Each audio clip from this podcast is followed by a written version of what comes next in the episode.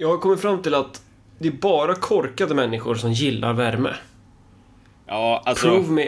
Det, vad är det man skriver när man har en sån här skylt på college? När man, när man sätter sig vid ett bord och så står det så här “Convince me otherwise” Ja, och sen just någon sån här det. påstående. Och det är så här... Bara korkade människor gillar värme. Convince me otherwise. Alltså, det går inte. Sommaren i Sverige är ju typ bäst uppe i Norrland. Det, Ja, men de har ju också varmt nu. Fast hur varmt har de? Det är väl bara 20 grader eller någonting? Ja, men det är ju det som är problemet med hur man har konstruerat eh, Norden med det här jävla havet, Bottenviken och allt det där. Det blir ju varmt där med. Eh, eh, och- sen så får de en massa mygg och jävelskap. Jag, för jag, för jag funderade ju på det ganska länge. Ska man migrera till, till norr? Eh, jag när ju fortfarande någon form av dröm av att bo i en gruva i Lappland, typ. Där det är svalt. Men, eh, jag vet inte. Ja, men alltså nu, nu avslöjar jag min liksom extrema okunskap här. Men jag trodde typ mygg, det var inte så mycket typ Norrland, Lappland. Det var mer typ Värmland. Där ute där det finns massor med träsk och sånt. Ja, men hela, hela allt, det är bara träsk överallt. Det är värre i norr. Där har du ju äckligt mycket mygg. Du har ju fan massa mygg här. Men... Eh, ja, nej, det, det är lite för varmt. Det ska inte vara så här varmt. Admin får fan fixa till det här. Det, så, det här är ju... Det är därför vi bor i Sverige. Vi ska ha det lagom. Ja, exakt. Ja. Så, så eftersom vi inte har någonting annat att göra så tänkte vi försöka spela in ett till poddavsnitt nu här. eh, I våra underkläder. Och det intressanta här, det här är ju någonting som, vi tänkte göra det på ett ämne som du och jag har snackat lite grann om under lång tid. Eh, och som, vi vet att det är folk som är ganska intresserade av, av olika anledningar, så här typ demografi. Um, barnafödande, massor med sådana saker. Vi ska prata avel. Ja, precis. Och så här, demografiska trender och vad det har för påverkan på politiken och sådär. Och för, kopplingen mellan liksom demografi och massor med andra saker i samhället. Men, men som sagt, du och jag hade ju snackat om det ett tag um, och sagt att ah, det ska vi göra ett avsnitt på. Och sen så fick jag lite grann av ett uppdrag att skriva en, en essä och att ett gäng amerikaner på, på American Affairs. Och så jag började gräva lite mer systematiskt i det där. För frågan var väl i princip så här, hur mycket av barnafödande, högt eller lågt, har att göra med kultur? Och hur mycket kan förklaras av andra saker? Ehm, för ett av de vanligaste narrativen idag är ju så här att ja, det föds ganska få ehm, barn i västvärlden. Och ehm, så här, eh, för, för att en generation ska vara lika stor som den, den, den tidigare generationen så behövs det födas ungefär 2,1 barn per kvinna. Sverige ligger på 1,7. Jag tror USA ligger på ungefär samma nivå som Sverige. Uh, och båda de, både USA och Sverige växer enbart genom immigration. Annars skulle de krympa långsamt. Och då är ju det vanligaste argumentet så här, nej men du vet, det här är någonting, har att göra med att så här, vi som kultur har blivit dekadenta, för materialistiska, wokeness, kulturmarxism, whatever. Och det låter ju kanske lite övertygande i början när man tänker så att, ja vet du vad, vi har alla de här problemen, eh, eller alla de här länderna, i, vad har de gemensamt? Låga födslotal, kulturmarxism, så. Men sen så när man börjar gräva i det där så ser man ju att det, det land som verkligen visar på den, det som du och jag som någon sån här hemska marxister skulle säga, den, den materiella basen här. Det är Sydkorea. Och Sydkorea är ett fascinerande land så här. Jag tror att om man bestämmer sig för att undersöka så här, både Sydkorea och Nordkorea, liksom, vilket, så här, vilket land är värst? Så kommer man upptäcka att alla fördomar man har om Nordkorea, de stämmer. Det här är ett typ bergigt, fattigt jävla Albanien, fast mer rasism. Och, och, och mer, mer sektig regim än Albanien till och med. Al Albaniens regim var ju fan ganska sektig med alla de här jävla bunkrarna och så. Men, men de, alltså det är nog ännu värre i Nordkorea, ja. Ja, jo. Um, men men så här, Albanien, alltså Albanien var verkligen Europas Nordkorea så. Och, och Nordkorea det är Asiens Albanien. Men återigen, alltså albaner, de vet inte ens vad rasism är jämfört med typ koreaner. Men så att, så att Nordkorea, det är inte ett bra land. Och, och om, om, du håller på och gräver i så här, vad som händer i Nordkorea, du kommer att upptäcka mer bevis på att det inte är ett bra land. Men uh, ju mer du gräver i Sydkorea och, och hur saker och ting faktiskt ser ut där, desto mer, uh, hur ska man säga, desto mindre galen blir den här idén att fan om man får välja mellan de här två jävla länderna så typ kanske typ Nordkorea snäppet bättre. Återigen, inte för att det är bra, utan för att alltså Sydkorea, folk har ingen jävla idé om hur, hur, hur saker och ting funkar där. Ja, jo men det är väl, ja. Ja men okej, okay. jag hör, ja. detta är tough sell. Så, så låt oss, ja. låt oss liksom lägga fram lite facts här. Liksom, nu, nu, nu får du vara den här personen, Marcus, som, som. Nu ska vi, ska vi... Vad är det du säljer här nu? Ska du sälja på, på påståendet att Nordkorea inte är lika illa som Sydkorea? Är det den produkten ja, du ska sälja? Du, du, okay. är, du är killen som sitter där vid bordet, så här, prove me wrong. Liksom. Sydkorea, ja. det finns ingen chans att det kan vara värre än typ det här jävla pisslandet Nordkorea. Okej. Okay. Och, du, och du är en person som då har kommit fram här och ska förklara ja, att exakt. jag har fel. Mm. Uh, och återigen, jag gör inte det här av någon sorts ideologisk lojalitet till liksom jävla piss-Albanien här, utan bara att Sydkorea är ett riktigt dåligt land. Okej, okay, vilken ände börjar vi Jo, så här, när det gäller födslotal, alltså antalet barn som föds per kvinna. Sydkorea ligger under ett. Det är alltså världens lägsta fertilitet. Um, ehm, 0,98. Vilket betyder att eh, varje ny generation liksom, kommer en, en, en grupp så här, män, barnafödande kvinnor. Eh, liksom, de har ett x antal år på sig att skaffa barn och sen så funkar inte det längre. Okej, okay, när de är färdiga så kommer eh, det finnas hälften så många barn som det fanns i deras generation. Så att liksom varje sån här 30 års intervall med viss fördröjning eftersom folk de dör ju inte när de inte längre kan föröka sig så. Men för varje liksom generation så försvinner en, över en 50 procent av befolkningen.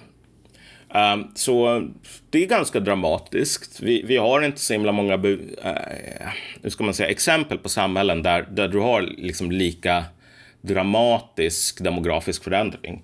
Och i huvudstaden Seoul, där ungefär hälften av landet bor, alltså i, i Seouls större metroområde, där ligger alltså eh, antalet barn per kvinna på 0,64. Mm -hmm. Och alltså 0,64 barn per kvinna, det är ungefär den nivån som eh, eh, du har, tänk dig att du har alltså den irländska så här, potatissvälten. Det finns ingen mat att äta.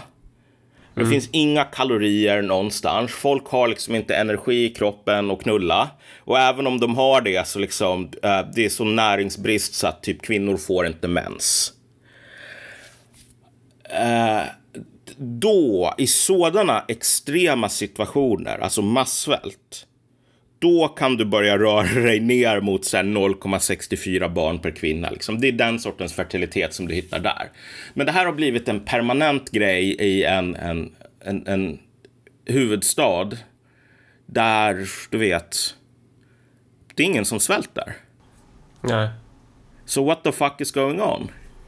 Nej, precis, för att, för att jag tycker att ett land som Nordkorea, alltså ond, bråd död, diktatur, svält, förtryck, är ju, det är ju ett skithålsland jag inte skulle vilja bo i och jag inte skulle vilja att någon bodde i.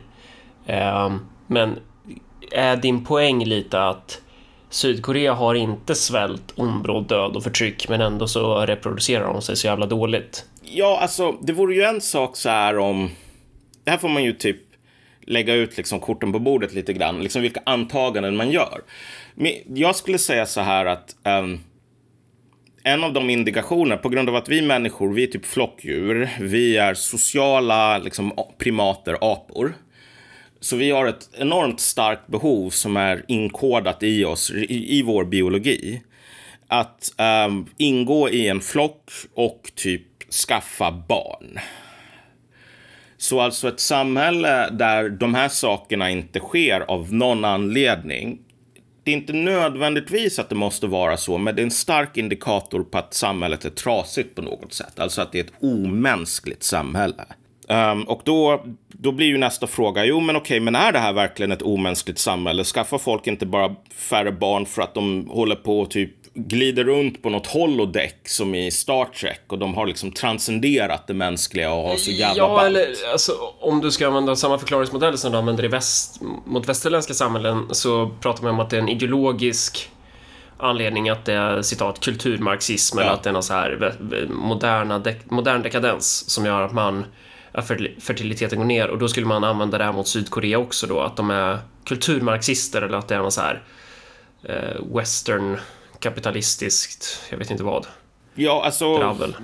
Och då kan man ju säga så att Sydkorea är ju... Det, det, det finns inte mycket kulturmarxism där. Det är ju ett... ett en, en asiatisk kultur som fram till extremt nyligen var så här extremt konservativ. De här konfucianska värderingarna om att ehm, det finns ingenting viktigare än att hedra din fader eh, och eh, liksom vara en lojal son eller dotter. Sådana där saker. Liksom. Så att den här, vi talar om ett land som verkligen inte har en västerländsk liksom, kultur. Det finns inte massor med sån här progressivism. ehm, eh, så, så, att, så att den kulturella förklaringen här, den, den funkar inte riktigt just för att det är så Nej. annorlunda.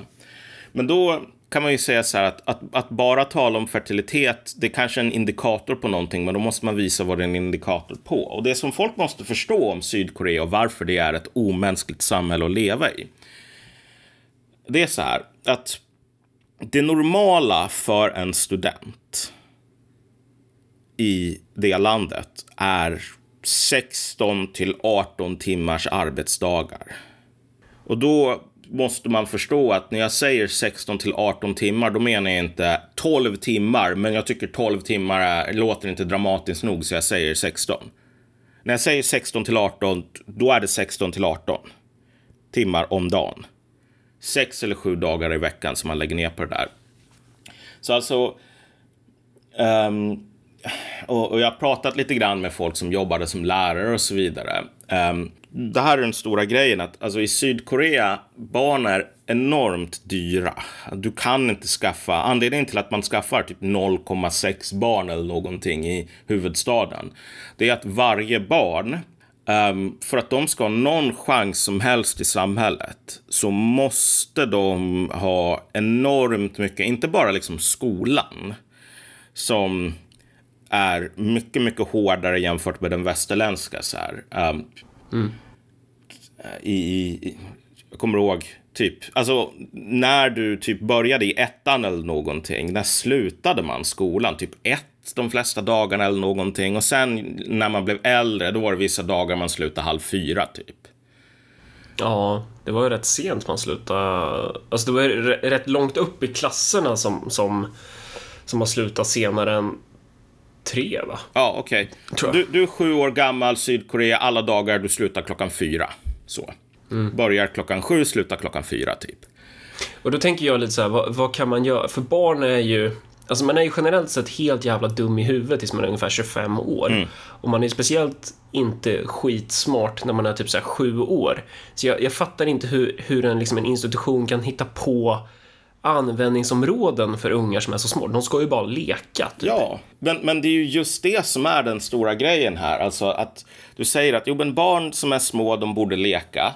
Um, men Koreas utbildningssystem och det, det officiella utbildningssystemet säger väl att kanske egentligen så borde de här åttaåringarna Eh, bara gå upp klockan halv sju på morgonen, gå till skolan, gå därifrån klockan fyra, sen göra typ hem läxor till klockan sju och sen så har de en två timmar eller någonting på sig att leka innan de går och lägger sig. Men det är inte så det funkar i praktiken. I praktiken är det så att alla föräldrar i princip, annat än jävla hobos, typ galningar som hatar sina barn. Alla föräldrar lägger ner enormt mycket pengar på um, privata skolor, sådana här cram schools, hangwon som man går till. Um, och det finns motsvarigheter till det i andra länder. Men, men det, det, um, i, i Sydkorea så måste de här skolorna stänga enligt lag vid midnatt. Och anledningen till att man har en sån lag som säger att de här extra skolorna som folk måste betala för måste stänga vid midnatt är att innan man hade den lagen så stängde de inte vid midnatt. De stängde vid ett eller halv två. Och föräldrarna sa åt sina ungar, ja vet du vad, den här skolan stänger vid ett eller halv två, det är så länge du ska vara där. Och då måste man ha ungarna där för att annars går det inte att reproducera sin klass. Ja, exakt. Eller alltså, Ja. det, det här enormt hårda utbildningssystemet har mindre att göra med att så här, det här är ett bra sätt att utbilda barn på. typ. Alltså, du, barn, människor, hjärnan behöver sömn.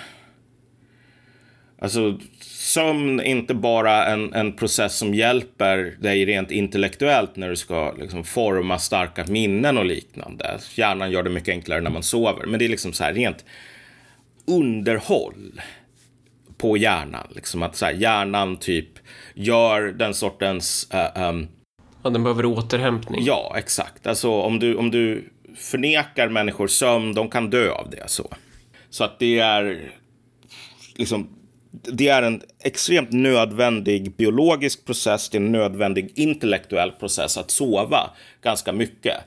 Eh, och hälften av alla studenter i, i Sydkorea rapporterar att de, de lider av liksom kronisk sömnbrist. Och med sömnbrist, då talar vi att de sover mindre än typ fem timmar per natt. Jag var ju kattvakt nyligen åt en, eh, hon är ju senil dement troligtvis och sen är hon döv också, tramsan. Hon är 19 år nu den katten. Och hon, alltså, hon ylar så jävla högt. Mitt i natten så sätter hon sig i förslagsvis badrummet, för det ekar ju där. Och så bara... Jag vet inte om folk har hört katter yla någon gång, men det, låter, det är svårt att föreställa sig hur höga ljud de kan göra. Så man får ju sova i typ så här 25 minuters fragment. Och jag var ju helt trasig efter den helgen. Eh, är det typ så alla i Sydkorea känner sig? Ja, nej, alltså herregud. De får ju sova hela fyra timmar om natten eller någonting. Det finns till och med ett talesätt om att som den, om du är en, en, en student, gymnasiestudent, som en gymnasieelev som sover fem timmar i natten, då är du typ en värdelös slashas. Du kommer inte komma in på något universitet i Sydkorea. Du sover fyra timmar om natten. Då kan du komma in på någon sån här liksom andrahandssorteringen. Men om du sover tre timmar om natten eller mindre, då har du en chans i alla fall att komma in på toppuniversitet. Så att det är inte så mycket så här, oj, den här senildementa katten håller på och ylar som att, ja, jag, har, jag vet inte ens vad det är att sova typ lika mycket som en sovjetisk gulagfånge så här. För jag har aldrig gjort det. Jag har aldrig sovit sju timmar på en natt.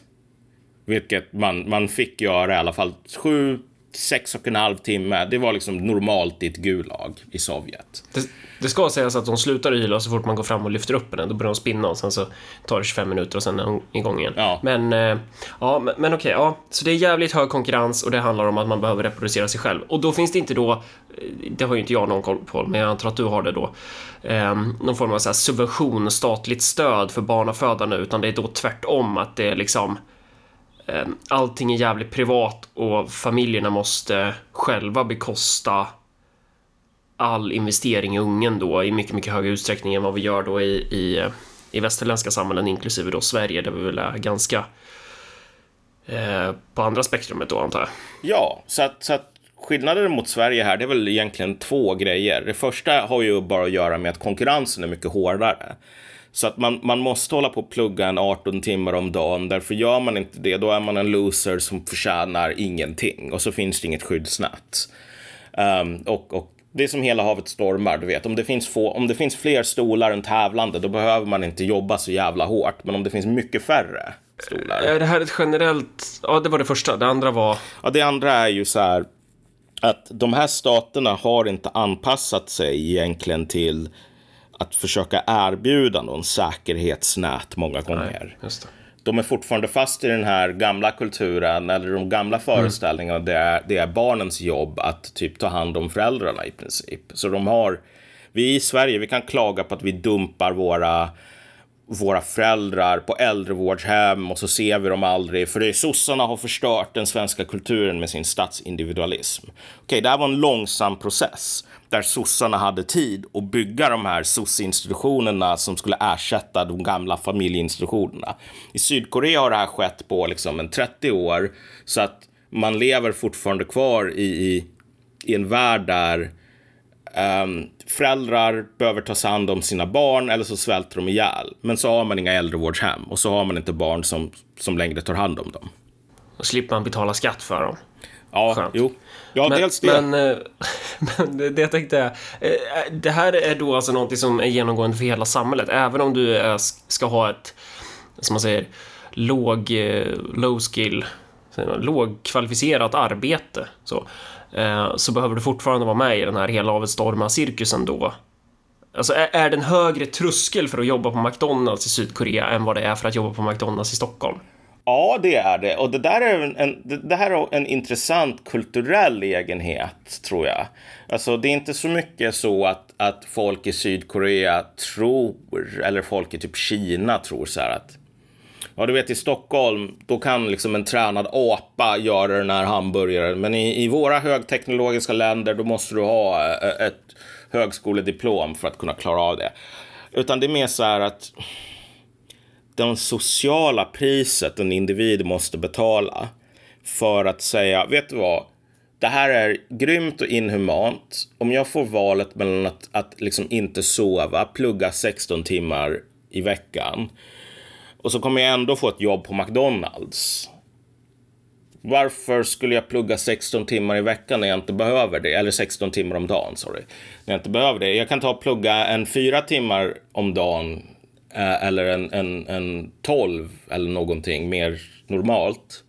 Och så kan jag bara acceptera att jag kommer att jobba på McDonalds. Liksom. Det, det är min lott i livet. Okej. Okay jag, jag, fick höra en anekdot om någon person som ungefär hade den attityden och kom till, till, till ett, en jobbintervju på något jävla McDonalds i typ Kina.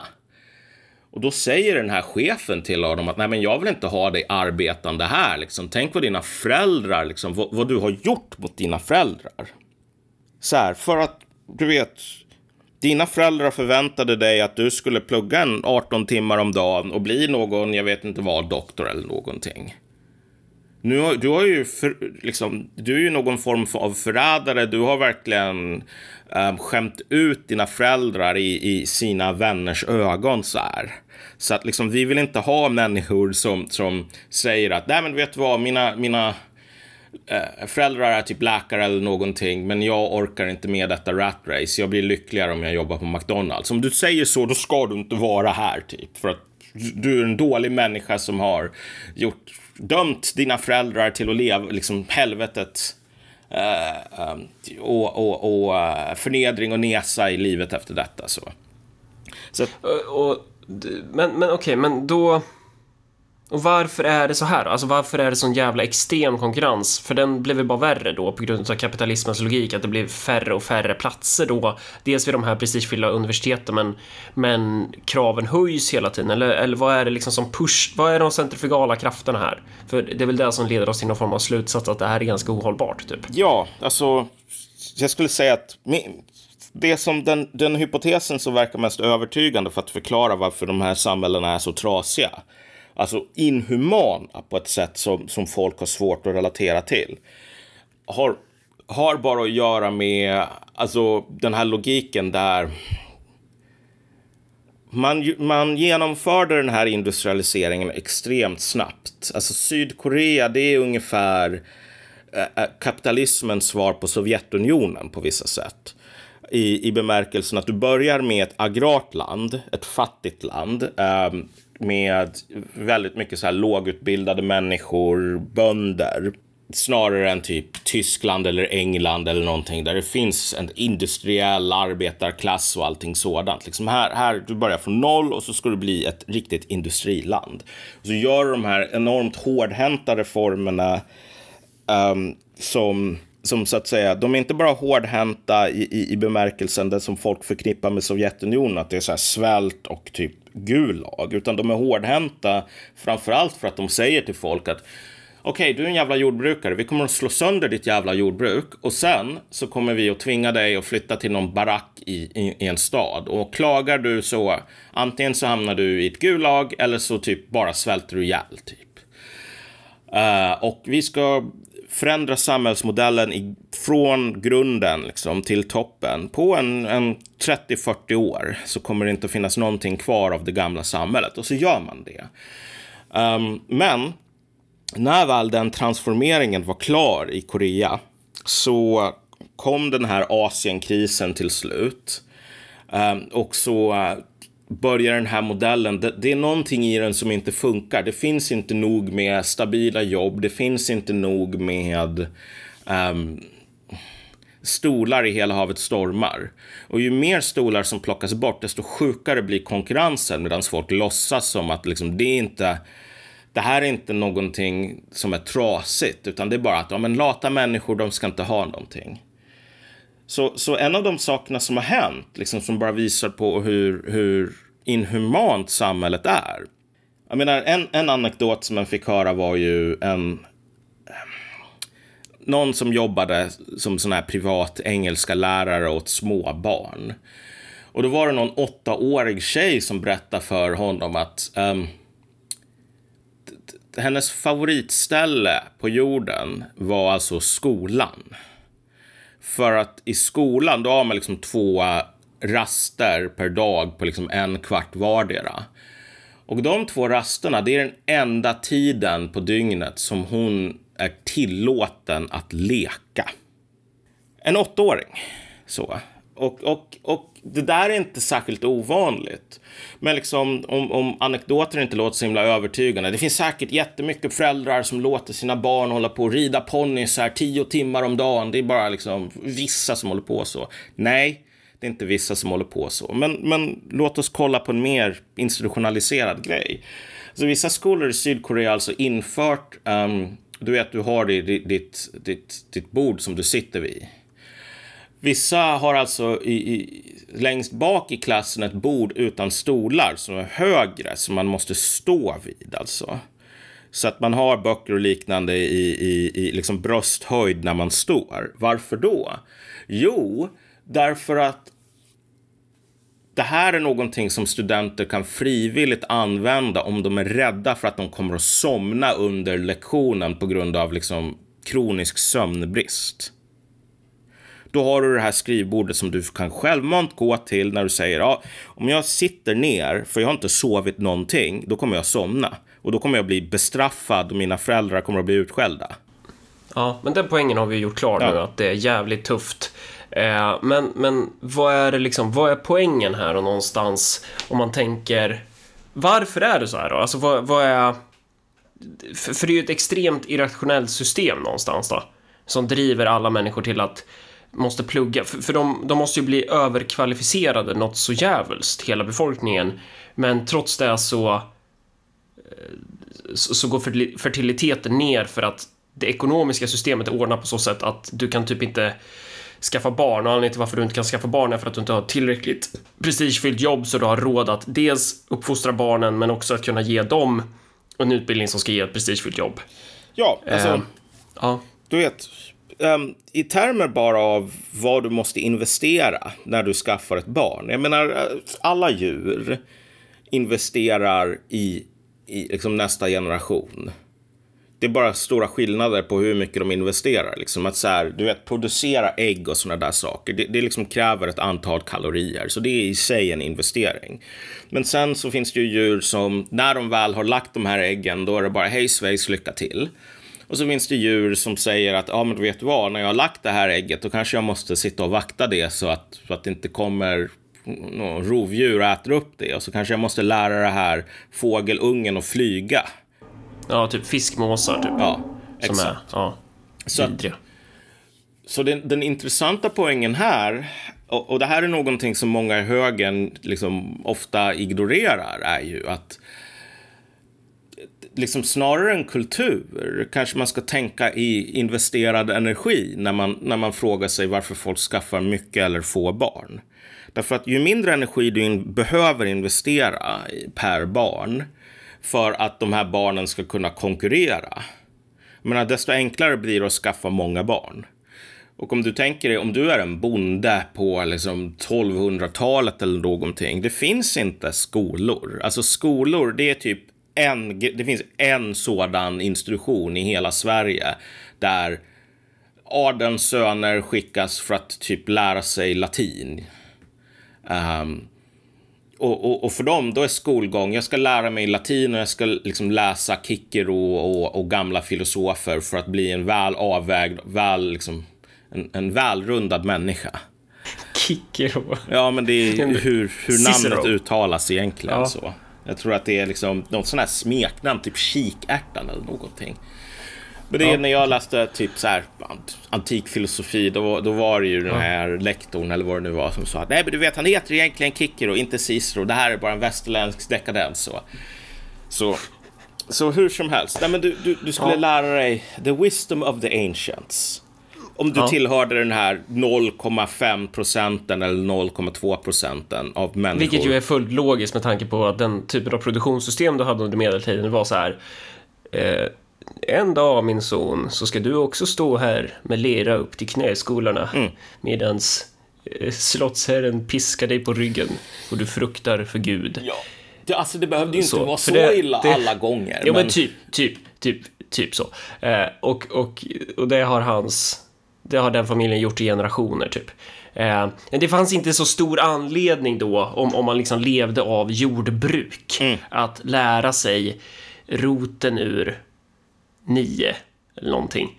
Att, att det är så här, ja men du, du ska veta hur du skär halsen av grisjäveln och sen ska du veta hur du hanterar plogen typ och, och det, det är väl det ungefär. Ja, um, alltså jordbruk det är ganska komplicerat. Alltså det är ingenting ja, som man kan ja, lära ja. sig men, på fem minuter nej, om man går i en Om det är någon medeltida bonde som lyssnar på det här och känner sig kränkt så, så menar jag ju mest bara att, att kunskaperna man lär sig det är ju anpassat efter liksom det man producerar. Men, men det vi ser i Sydkorea är väl någonstans lite av det här som vi har haft i västerländska Alltså så här, I takt med att kapitalismen och industrialiseringen kommer fram så, så, så, växer det ju också fram ett utbildningsväsende. Alltså du måste ju drilla om...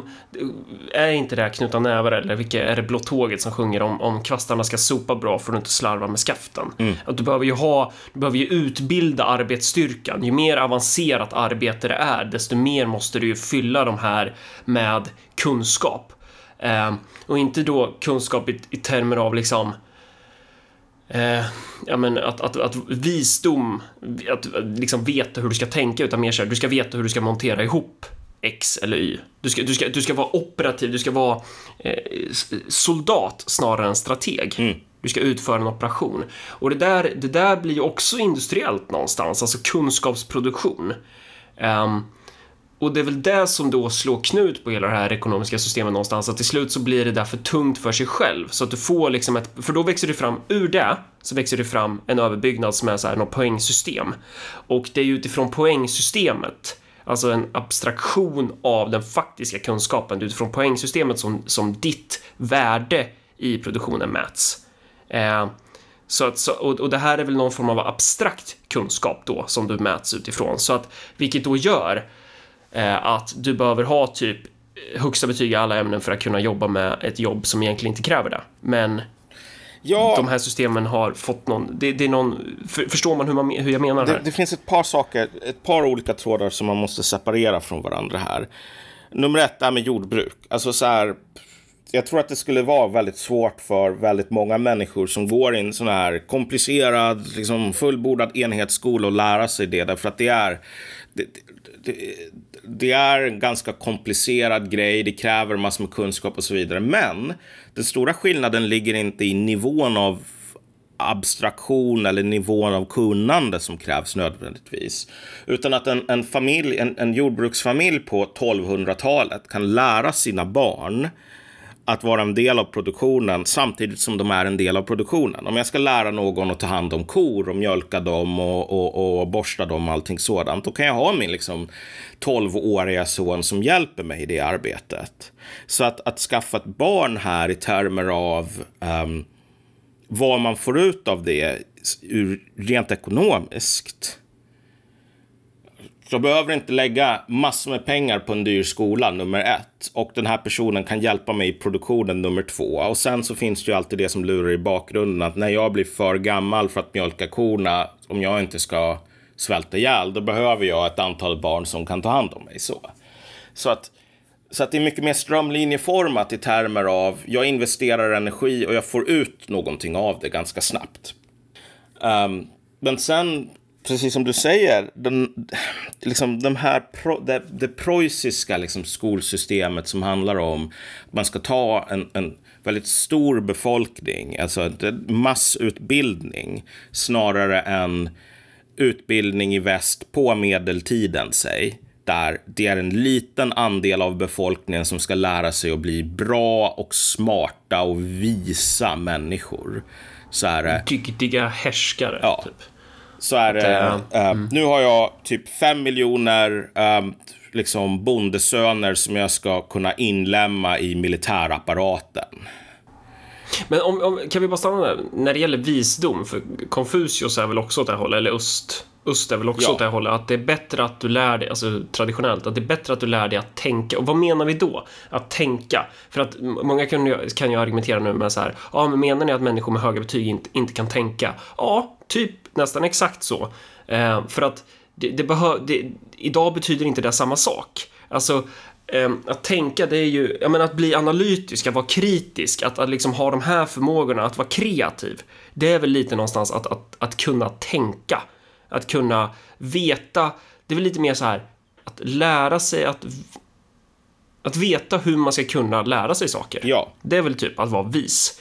Medans Eh, Eh, det mer andra sättet, det här preussiska eller liksom det standardiserade, det blir, och nu drar vi, det är Marcus och Malcolm, vi drar liksom stora växlar här, men det är för att göra tydliga skillnader så man förstår poängerna. Det andra systemet är mer då att man blir stan, eh, låst, det är stängd kunskap någonstans. Du vet inte eh, du lär dig inte hur du ska lära dig att montera ihop en sak, utan du måste lära dig att montera ihop en sak. Förstår man skillnaden? Du kan inte liksom, du, du måste vänta på att någon ska berätta för dig att det är X, Y, Z du ska göra. Du kan inte bara komma på själv, vilka frågor borde jag ställa nu? Hur kan jag själv söka reda på den här kunskapen? Hur kan jag själv levla? Um, så, att, så att i det ena fallet så blir du ju mer befriad, det är en emancipatorisk kunskap. Att, eh, att du som individ blir ju friare någonstans. Och i det andra fallet så är det ju mer en eh, slavkunskap, typ. Ja, okej, okay. så, så här behöver man ju säga så att folk tänker att om en anledning till att det är så jävla hårt pressat i, i Asien idag är på grund av att de här människorna, de är liksom high på Confucius. Uh, och Confucius säger att man ska ha massor med nationella prov i matte och naturvetenskap. Så, för att det var nationella prov i, i, i, i Kina för tusen år sedan. Ja, vet du vad? Kina hade nationella prov. Men Um, Confucius är en av de mest så här, humanistiska filosoferna som, som mänskligheten har uppringat i termer av att vad han är fokuserad på det är liksom hur lever man ett gott liv som människa. Så att um, om du skulle bli en person som styrde över sådana här vatten, konstbevattningsprojekt, liksom konstru konstruktionen av dammar och liknande, en, en, en byråkrat som styrde för något sånt departement i Kina för tusen år sedan. Du lärde dig inte hydrologi eller någon så här ingenjörsvetenskap eller någonting. Du pluggade Confucius filosofi. Därför att tanken var att du behöver bli en bra människa som steg nummer ett. En bra människa, en smart, en vis människa kommer att kunna lära sig att bli ingenjör eller fiskare eller vad som helst. Medan en fiskare behöver inte nödvändigtvis kunna, eh, bara för att han vet hur man fiskar, veta hur man är en bra människa. Om båda de här sakerna behövs, vilket de gör om du har ett enormt eh, kejsardöme där lokala eh, byråkrater och liknande har jättemycket makt. Och det tar typ en två veckor eller en månad att liksom eh, eh kommunicera mellan, mellan huvudstaden och provinserna du måste kunna lita på att de här människorna inte är helt, helt totala jävla fuck-ups. Alltså, att de är bra människor, liksom visa, har bra omdöme och liknande. Det är en jätteviktig färdighet. Ja, de har, de har en liknande moralisk utgångspunkt som dig. Det är ja. det man då vill ha. Mm. Exakt. Så att liksom, det här är ett system så att om du kommer upp till den högsta nivån i den här proven, då är mm. den här läraren som sitter och liksom håller i klockan och som du lämnar in dina papper till när du har skrivit färdigt provet. Det är kejsaren av Kina själv.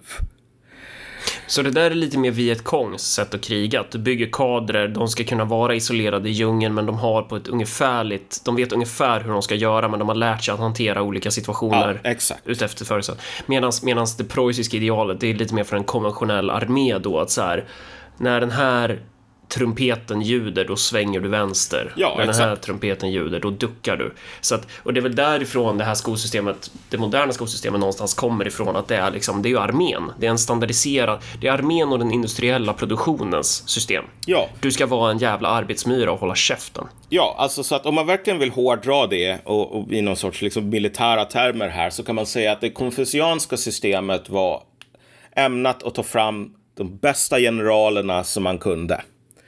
Därför att om du har en bra general som styr över en provins, då kommer han att kunna med sitt eget omdöme få, um, få pli på soldaterna, veta vilka man rekryterar, hålla bönderna nöjda, allting sådant. Så han kan använda sitt eget initiativ i ett decentraliserat system. Medan det preussiska systemet i slutändan handlar om att skapa uh, uh, homogena och kompetenta soldater. Där du har en, en 5-10 miljoner människor i, som du måste kunna stoppa in i en, liksom, en, en modern krigsmaskin eller ett modernt industriellt samhälle och där de här de är lite utbytbara reservdelar. Mm, exakt. N när, du bygger, när du ska ha utbytbara reservdelar, det viktigaste hos dem är ju att de håller, men också att du vet, de håller samma standard. Men det, det, det som är skönt där, om man tänker på hur fyrkantiga politiker idag är att då tittar man ju bara på, ja ah, men kolla, här har arbetsstyrkan höjt sina snittbetyg med sig och så här många poäng.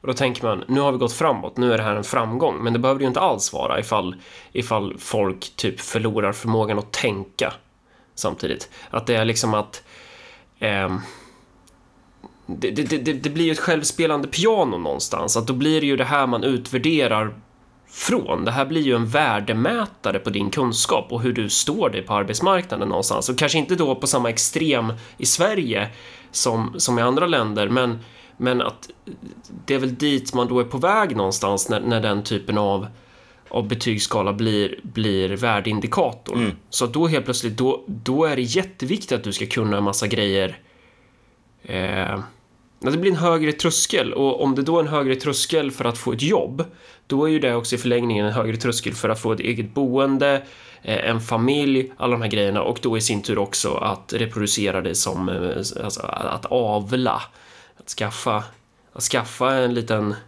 klutt där. Ja, alltså, men, men, men vad man måste vara, vara väldigt tydlig med är ju att det som gör Sydkorea specifikt till, till det kanske det mest omänskliga samhället i världen just nu. Liksom. Verkligen på ett, ett inhumant samhälle där folk ser det som normalt att behandla åttaåringar mer för deras eget bästa inom citationstecken på ett sätt som alltså vi skulle tycka att om det var någon så jävla sovjetisk kommissarie som sa, vet du vad, du får en, två raster om dagen, 15 minuter och så får du leka och resten av tiden ska du jobba. Då skulle vi ju säga att det här var liksom ondskefullt på nästan ofattbar nivå. Men om det är att nej, men det här måste man göra för att annars så liksom kommer man ingen vart i samhället, så, då, då är det okej. Okay. Men, men det som driver på den, den, den situationen är ju att så här, visst, du har ett system som är bra på att mäta. Och mm. det som det är bra på att mäta, det är hur bra folk är på att ta standardiserade tester. Och sen så har du du har den här ökade konkurrensen. Det finns inte nog med jobb. Bostäder är för dyra. De flesta har inte råd med det. Men det är inte, det är inte testsystemet nödvändigtvis som har skapat den situationen, utan det är en, en, en process som har kommit utifrån. Och så försöker du lösa det genom att säga att nej, men du vet, om alla hamnar i topp 10 procenten på våra inträdesprov, då kommer alla att kunna skaffa en bostad. Samtidigt som det enda som händer det är ju att du måste sova liksom, två timmar istället för tre timmar för att komma in i topp 10 procenten. Medan alla andra som gjorde det som krävdes för att komma in i topp 10 procent för en tio år sedan nu hamnar i typ topp 50 eller någonting. Och inte får jobb eller bostad. Så att alltså, när sådana här system slutar att mäta någonting som så att säga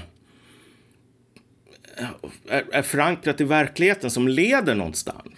Mm. Men det kan man väl ändå säga om det preussiska systemet, om, att om du ska liksom ta tillbaks eh, eh, Schleswig-Holstein från danskarna och sen typ gå ut i första världskriget och så vidare. Jag menar, du, du, du har ett mål, du behöver träna soldater och sen så skickar du ut de här soldaterna i krig. Liksom, du, du, du mäter fortfarande någonting som har med verkligheten att göra på något plan. Men det har man slutat med i, i, i många asiatiska länder. Alltså att... Men Ja, det enda jo, poängen absolut. med konkurrensen är konkurrensen. Det är inte så att, ja ah, vet du vad, nu har du sovit 90 minuter per kväll. Nu kan du äntligen bygga en ny rymdraket så att vi kan kolonisera Mars. Nej, det finns inget mål. Det finns bara eliminering av andra människor. Men är det inte så att konkurrensen har ju såklart en bas i den materiella verkligheten också? Alltså vi, för, det var två somrar sedan tror jag, så pratade vi om hur ja, men hur amerikanska medelklassen eller den lägre eliten i USA får jobbigare att reproducera sig själv ja. som klass och det är ju ett liknande mönster. Och det är ju att dels så har du ju en rationalisering även inom den klassen, att det, det är hela havet stormar, det är hela tiden stolar ja. som tas bort och det finns väl olika orsaker till det, men att ja, framförallt så är det väl så här, du kan väl fan ha en jävla robot som kan göra det här jobbet. Du, du behöver inte ens ha en människa som gör det här. Eller typ, du kan ha en indier som gör det här jobbet. Du behöver inte ha en fancy pansy akademiker som gör det. Så att det finns en, i kapitalismen så finns ju en rationalisering, att man blir ju mm. effektivare på vissa uh, uppdrag och sådär. Och då för de här klasserna där där det inte bara är mekaniskt arbete utan det också finns väldigt mycket prestige inbyggt i att vara en viss typ av klass så blir det väl ännu mer traumatiskt. Men i Sydkorea så har du väl den mekanismen också för det är väl det som gör, mm. alltså det är ju no någonting som plockar bort stolarna hela tiden. Ja, jo men exakt. Ja. Och, och det som plockar bort stolarna Alltså det är ju inte någonting som utbildningssystemet har orsakat eller som det kan lösa. Men det är det man försöker. Man säger att utbildning är vägen ut. Och, alltså, och det har gått så långt så att om du läser alltså Solzhenitsyns En dag i Ivan Denisovitjs liv. Solzhenitsyn var ju, han blev ju skickad till något gulag eller flera olika gulag i Sibirien på grund av, du vet, fiende till, till allt, arbetarklassen och sånt där. Så, så han, han, skrev den boken som, det är ju bara ett snapshot på en vanlig dag i ett arbetsläger för Ivan Denisovic som har hamnat där för typ han blev typ omringad utanför Minsk och så lyckades han ta sig tillbaks till den ryska fronten och så bara Du är nog en spion.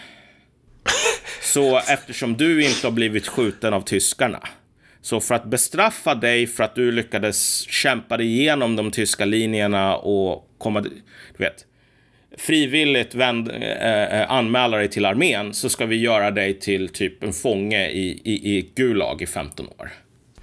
Och där, där, nu ska jag, jag ska inte spåra det här avsnittet för mycket, men, men det där fyrkantiga sättet som man betedde sig på i Sovjetunionen och många av de här gamla östblocken eh, det här jävligt opraktiska fyrkantiga idiottänkandet. Så här, ah, här kommer en landsman som har flytt tillbaka.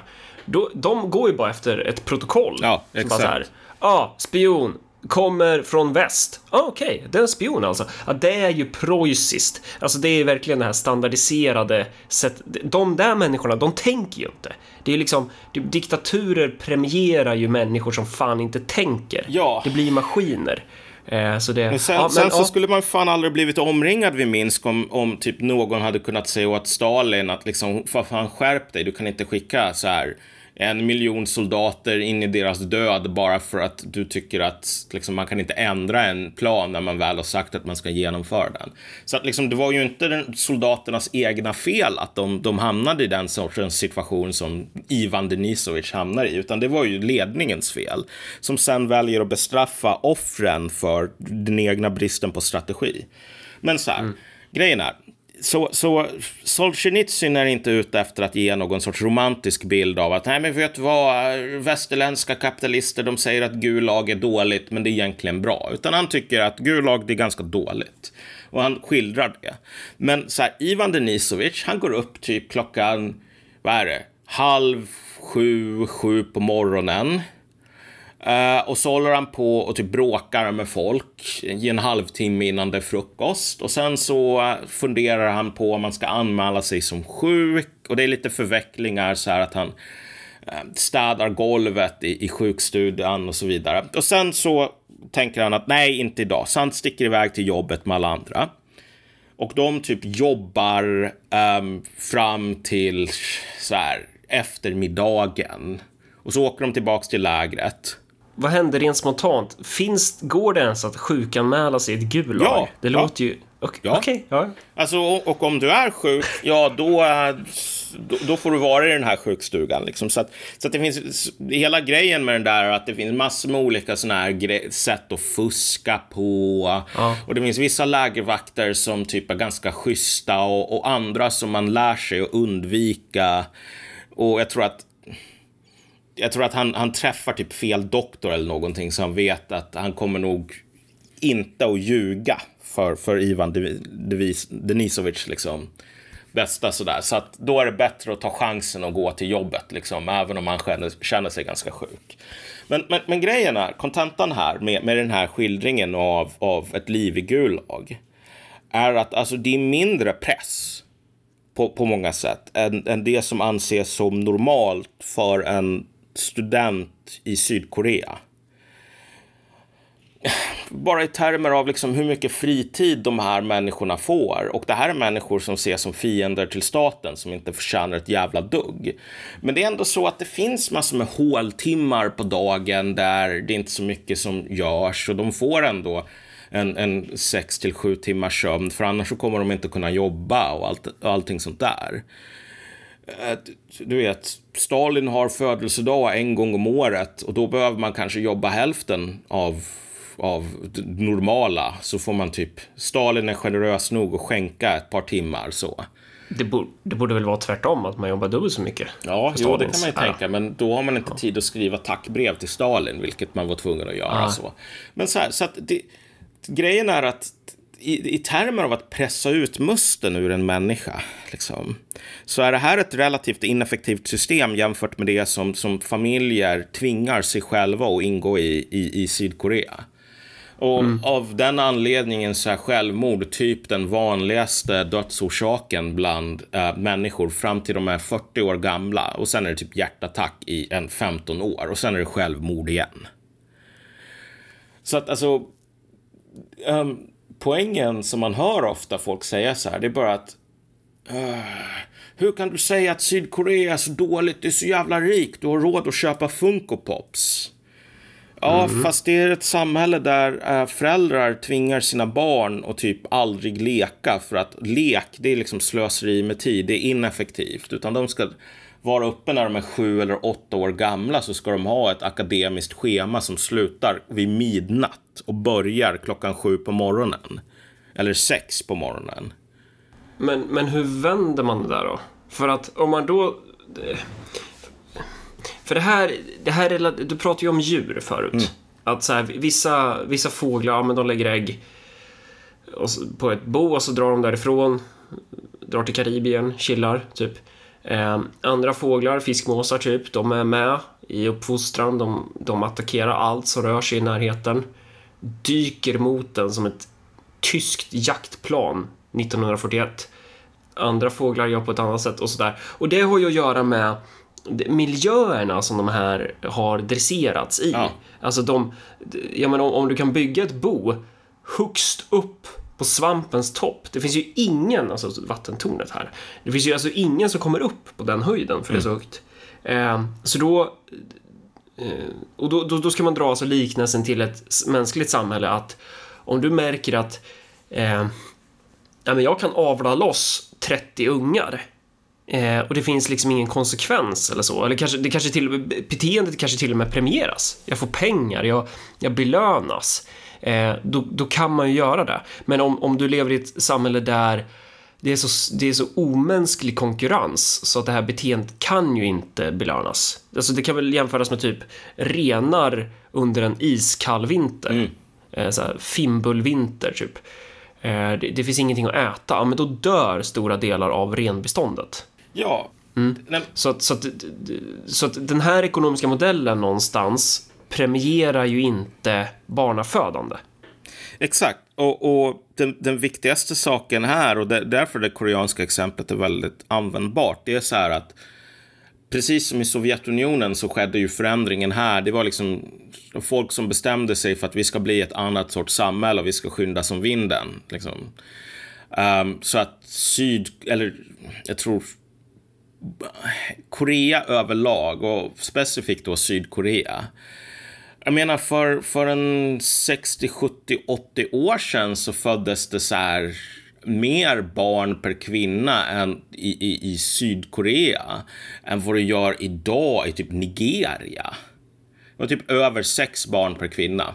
Så alltså det, det, det är, det är inte Och du så har att, koll så här- på de här, liksom, du har koll på de här siffrorna och exemplen. Ja, alltså. ja. ja. Så att alltså, när vi talar om Sydkorea så talar vi inte om ett samhälle där, ja vet du vad, folk har aldrig fått barn och nu har de bara dubblat down på att aldrig föda barn. Utan du har gått från ett samhälle där folk föder enormt mycket barn till ett samhälle där ehm, man inte gör det överhuvudtaget. Så på början på 80-talet så låg alltså fertiliteten på nästan tre barn. Och 80-talet är inte så himla lång tid sedan. Hur funkar det med djur? Eller ja, det kanske är en svår, stor fråga i och för sig, hur det funkar med djur och avel. Men brukar de, eh, skaffar de ungar ifall det är nödår? Det gör de väl inte? Nej, exakt. Men det, är ju, det finns massor med sådana där automatiska biologiska processer som, som, som, som är ämnade att kontrollera så att alltså, biologiska organismer bara skaffar avkomma på ett sätt som, så att det inte är förslösad tid. Så att De har alltså en planering gällande sin reproduktion? Ja, nej, men, nej, det är ju inte planering eftersom det inte finns en planerare. Det är liksom bara att finns det inte nog med lax i, i, i, i ehm, I ån? ja, i ån, då kanske typ i värsta fall så är björnhonan inte ens äh, löper under, under en säsong. Så. Jaha. Ehm, Så att det är det mest extrema exemplet. så. Ehm, men, men, men saken är bara den att i, människor, eh, oavsett deras kultur, de anpassar sig också till, eh, visst det här är kulturellt betingat och så, eh, vi- vilka förväntningar man har. Det finns ju en kulturell fördröjning i det där måste det finnas. Ja. Alltså för att det är ju där, om du copy-pastar en människa från ett, om du copy-pastar sydkoreanen från Sydkorea, skickar den till Sverige. Eh, den kommer ju fortfarande ha den här jävla PTSDn typ, man måste plugga hela tiden och sånt där. Men efter ett, en tid så kanske den akklimatiserar sig Ja. till det nya samhället och då kanske skaffar fler barn. Och märker att, vad fan, jag kan ju leva loppan här bara av att eh, jobba hälften så mycket som jag gjorde hemma. Ja, alltså det, det, det, det här är ju en, en sak som faktiskt är en intressant grej med Sydkorea. Att det finns jättemånga människor som flyr ifrån det samhället för att det inte går att leva i. Jag menar, när, när folk gör det från Nordkorea så hör man ju om det. Liksom, så här, att ja, men självklart. Men alltså, det gjordes någon enkät där typ en hälften av alla unga i landet ville lämna för att de tyckte att det här landet det suger att leva i. Liksom. Um, så att de har också sådana problem. Och ja, när folk lämnar, visst, de, de säger åt sina ungar att ni ska hålla på och plugga. Men de kanske bara pluggar en tol- har en akademisk arbetsdag på 12 timmar istället för 18. Och så får de en två timmar varannan dag och leka. Vilket är typ... Alltså det finns inte ens i Sydkorea att du skulle få två hela timmar. Bara och, och, och, och, och, göra någonting totalt improduktivt sådär. Um, så, att, så att koreaner som flyttar till Australien eller någonting, de skaffar typ fler barn än koreaner som bor i, i, i Korea. Och, och den intressanta saken här, anledningen till att vi har snackat så mycket om Korea är ju för att Korea är ett sånt sjukt extremt exempel, så det illustrerar väldigt väl att det är alltså miljön, det är hur mycket lax som det finns i ån som styr mänsklig reproducering, precis som det styr typ kodjakbjörnars reproducering. Uh, och, och om du fuckar med laxen i ån, mm. då kommer man inte att skaffa massor med björnkullar eller barnkullar. Men det finns ju en bas, alltså ån om vi ska översätta den till ett mänskligt samhälle så består ju även den av två delar där det finns en bas och en överbyggnad. Och för det vi strävar efter någonstans, det är slutsatsen att säga, ja, ekonomin spelar roll, typ, eller hur? Men ekonomin ger ju också upphov till en, en kultur och en ideologi som sätter en standard på vad som är social, socialt acceptabelt ja. för hur många barn du kan ha. Och det som är socialt acceptabelt i de flesta samhällen är ju Alltså gränsen brukar ju vara, eh, du ska inte skaffa fler barn än, än, du klarar av att försörja. Ja. Än du klarar, och, och, och i just begreppet försörja så finns det en jävligt stor skillnad beroende på hur det specifika produktionssystemet och ekonomin ser ut i varje land. Så att i Sydkorea så inbegriper begreppet försörja mycket, mycket, mycket mer än vad det gör i Sverige. Alltså i Sydkorea, då måste du alltså köpa in dig på en sån här jävla Say-One, eller är det universitet eller? Hangwon. Hangwon. De har ju plus 4 science i base cost eh, i Civ 6, Korea. Det kanske, det, det kanske förklaras av att de har sån extrem... Ja, just det. Ja. Eh, men, men ja, men, så du måste köpa in dig någonstans eh, så att ungen, ja men det som vi har gått igenom nu. Du, du måste investera så jävulst i ditt barn. Eh, I Sverige behöver du inte göra det. Jag, jag googlar lite på det där. Swedbank beräknar att en unge kostar runt en miljon, tror jag det var. Mm. Eh, och så har man ju någon slags genomsnittlig uträkning på hur mycket stålar och sånt där man, man behöver lägga ner på det här. Alltså, jag tror att anledningen till varför vi kom in på det här temat sist vi pratade om det här i telefon, det var ju för att jag var så fascinerad över att, eh, hur ska jag uttrycka mig diplomatiskt här nu, så jag inte trampar någon på tårna, att korkade människor skaffar ju barn jävligt lätt alltså. Eh, så, så det är liksom, ibland känner man lite så här, det, det kanske hade varit bra att ha ett körkort när man skaffar barn. Men, och då, då förklarade du för mig att det finns ingenting, eller eh, så här, det är fel att säga att korkade människor ska få barn, utan det handlar ju om vad man är mest anpassad för någonstans. Ja, alltså det är ju, det där är ju i slutändan en, en observation som hamna, handlar väldigt lite om intelligens, hur man nu mäter den, vilken metod man väljer och typ klasstillhörighet och inte bara klass i någon sorts hur mycket pengar man tjänar utan någon, i den här mer kulturella bemärkelsen. Relevanta för Sverige här, om du tänker dig, det är ju de här narrativen som säger att men kolla på vilka som föder barn. Uh, och då liksom, för att inte gå som katten kring het gröt, det som folk är oroade för när det gäller uh, demografi, det är inte invandrare mot svenskar, utan det är folk som är kaos. Um, få människor bryr sig om någon sån här persisk eh, uh, överklasstandläkare skaffar typ tre tandläkarbarn istället för två tandläkarbarn. Det finns typ få bland ens folk som beskriver sig själva som nazister som, som, som oroar sig för det idag, skulle jag nog säga. Så långt vågar jag sträcka mig.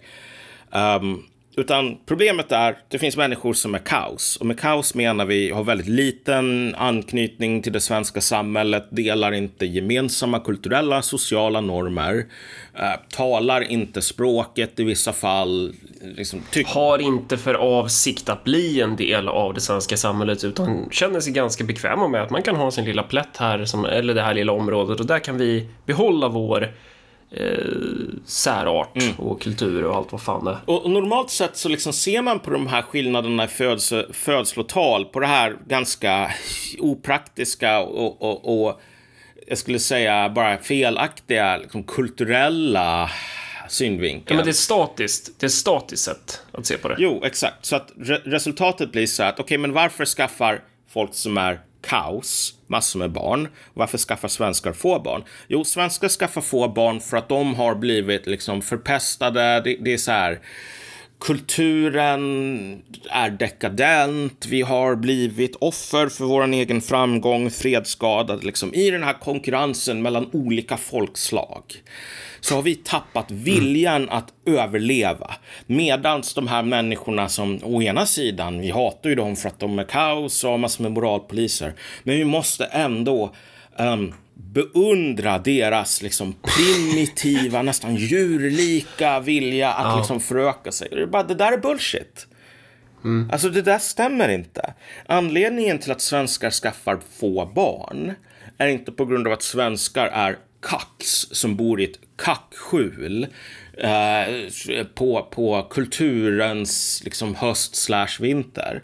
Utan anledningen till att svenskar överlag skaffar få barn det är för att de är intresserade av någonting som alla människor är intresserade av, inklusive de som skaffar många. Att man inte ska glida ner i, i liksom samhällsstegen så att om, om jag är någon form av medelklass, då ska mina barn fortsätta vara medelklass. Åtminstone. Det är bra om de rör sig uppåt, men, men minimum är att de håller sig kvar på ungefär samma position som man själv gör. Och ju högre kraven blir, desto mer man måste investera som en jävla fiskmås. Desto mer kommer man att göra fiskmåsjobbet. Och det förklarar också den här dynamiken som vi ser. att Jag menar, eh, om det vore så att det här var jag vet inte vad, det satt i typ din genetik eller någonting. Så om du har persiska gener, då har du gener för att skaffa x antal barn. Men om du har nordgermanska gener, då har du gener för y antal barn. Det blir lite så här Dungeons and Dragons, så här rollspels, fantasyspel. Ja. Att dvärgar skaffar 2,1, alver skaffar 1,1. Ja, exakt. Typ. För, att, för, att, jo, för att de är dvärgar och alver och det är liksom bara så deras stats ser ut. Ja. Men om det funkade så, då skulle det här sydkoreanska exemplet inte existera, där du har ett extremt fertilt folk som blir, eh, liksom, går från ena änden av skalan till den absolut andra änden av skalan och har så här barnafödande som man annars bara ser mitt i en brinnande svält. Um, utan de skulle säga, nej men vet du vad, det spelar ingen roll om vi är, industri, är en industrination eller en jordbruksnation. Vi har liksom våra koreanska stats säger så många barn. Um, men men istället så ser vi den här dynamiken där. Om du tänker dig typ bostadsrättsiranier, tandläkare, liksom på biomedicinum. Så här. De skaffar ungefär lika många barn som typ um, tandläkare från majoritetsbefolkningen. Av den enkla anledningen att alltså, du måste investera så och så mycket tid och energi, läxhjälp, allting sådant. Um, för att dina barn ska bli tandläkare. Ja, men också delvis för att de blir väl en del av majoritetsbefolkningen. Det är väl det som är själva definitionen, att, att invandrare som integreras och assimileras in i Sverige, där går barnafödandet generellt sett ner. Sen finns det säkert massa undantag och sånt där, för att även här så finns det en kulturell fördröjning och det finns ju liksom normer i hur många barn man ska ha. Ja. Men det, det man skulle vilja titta på är olika etniska grupper, jämföra dels i Sverige när de kommer hit, hur fertiliteten ser ut och sen jämföra över generationer men också jämföra med generell fertilitet i hemlandet då. Ja. Ursprungslandet. Kolla, här, att, här att kolla... måste vi, jag måste bara ja. flika in, det, det, gäller att vara precis här liksom, så att, så att man, man är på det klara med vad mekanismen är. Mekanismen här bakom att folk skaffar färre barn ju, mer, ju bättre integrerade de blir är inte att de skaffar färre barn för att de blir bättre integrerade. Utan ju bättre integrerade de blir, desto mer har de tillgång till precis samma strategier um, som liksom precis, du vet, gå på jurist linjen eller vad det nu är. Liksom. Exakt, och där, där finns det då, ja men här, välkommen till Sverige, nu, nu har du liksom låst upp de här möjligheterna att du kan bygga ditt bo på den här klippan och då måste du inte bete dig på det här sättet som i fallet då du bygger ditt bo nere på marken då. Eh, eh, förstår man metaforen? Att, att förutsättningarna för uppfostran har ändrats helt enkelt. Om vi skulle dra det här fågelexemplet, men det kanske blir konstigt. Men, men ja, Precis, så att man insocialiseras ju in i en ekonomisk logik då också. Ja, och det, det är inte så mycket, jag vet inte, insocialisering. Mm, det, det är snarare så att, att man kan socialisera sig själv in i det där utan, utan någon hjälp från majoritetsbefolkningen. Alltså det är lika enkelt att tänka sig som alternativet. Men, men själva kontentan är att man hamnar i en sits där du vet, jag är tandläkare, mina barn måste vara tandläkare. Hur gör man i landet Sverige, där jag råkar bo i, för att komma in på den utbildning som krävs för att bli tandläkare. Det jobbet, junior, det måste du göra. Du måste liksom ha de betygen och så vidare. Och jag kommer att lägga ner tid och energi på att se till så att du får det. Men det finns ju också då, för i det där finns ju kulturella, superkulturella grejer och just anledningen till varför jag använder ordet socialiseras in i är ju för att um, om, om du i familjen inte har bildningsideal och du tänker så här, men bara man går till skolan, bara det är ju en seger, mm. typ. Att du kanske, ja men, så här, första generationen i familjen, de kanske var nomader i hemlandet. De kanske inte ens kan läsa. Mm. Alltså, ribban blir ju mycket, mycket högre då jämfört med om du är så här, nu fördomsfulle Marcus, men om det är någon form av perser och du liksom, ja men du kan. Du har jävligt hög, hög nivå på dina skills redan och om inte din unge blir tandläkare eller vad, det nu är vi ska ta i den här stereotypa modellen, ja men då är det ett misslyckande. Så det är ju skillnad i olika kulturer ja, ja. också. Och, och, men, men grejen är att jag börjar i änden som inte är kultur, för, inte för att jag inte tror att kultur liksom inte existerar eller någonting, utan för att kulturer i slutändan, de måste vara användbara för människor i, liksom, de möter specifika utmaningar och då är vissa kulturella föreställningar en bra anpassning till det. Så att det är självklart så att typ perser eller koreaner eller kineser, i alla fall från, om de inte hämtas från typ landsbygden i, i så norra eller södra Mongoliet, så här, de har överlag ett, ett försprång därför att det här är kulturer där de flesta människor eh, så att säga lär sig från en tid, från tidiga barnsben att så här, det här är superviktigt, du ska göra dina hemläxor, annars får du stryk. Mm. Så att då blir man liksom ännu mer um, benägen att, att, att um, hur ska man säga, säkra uh, um, att, att de egna barnen inte glider ner liksom, till en lägre klass än vad, vad majoritetsbefolkningen är som, som tar det här med, med mer av en klackspark. Så. Men, men det som man måste kontentan av detta, liksom hela detta resonemang, vad det utmynnar i är att de här berättelserna om att ja, men du vet, det finns folk som är kackade för att de är svaga och det är därför de inte skaffar barn. Nej, men för det första, det finns inte kackade folk.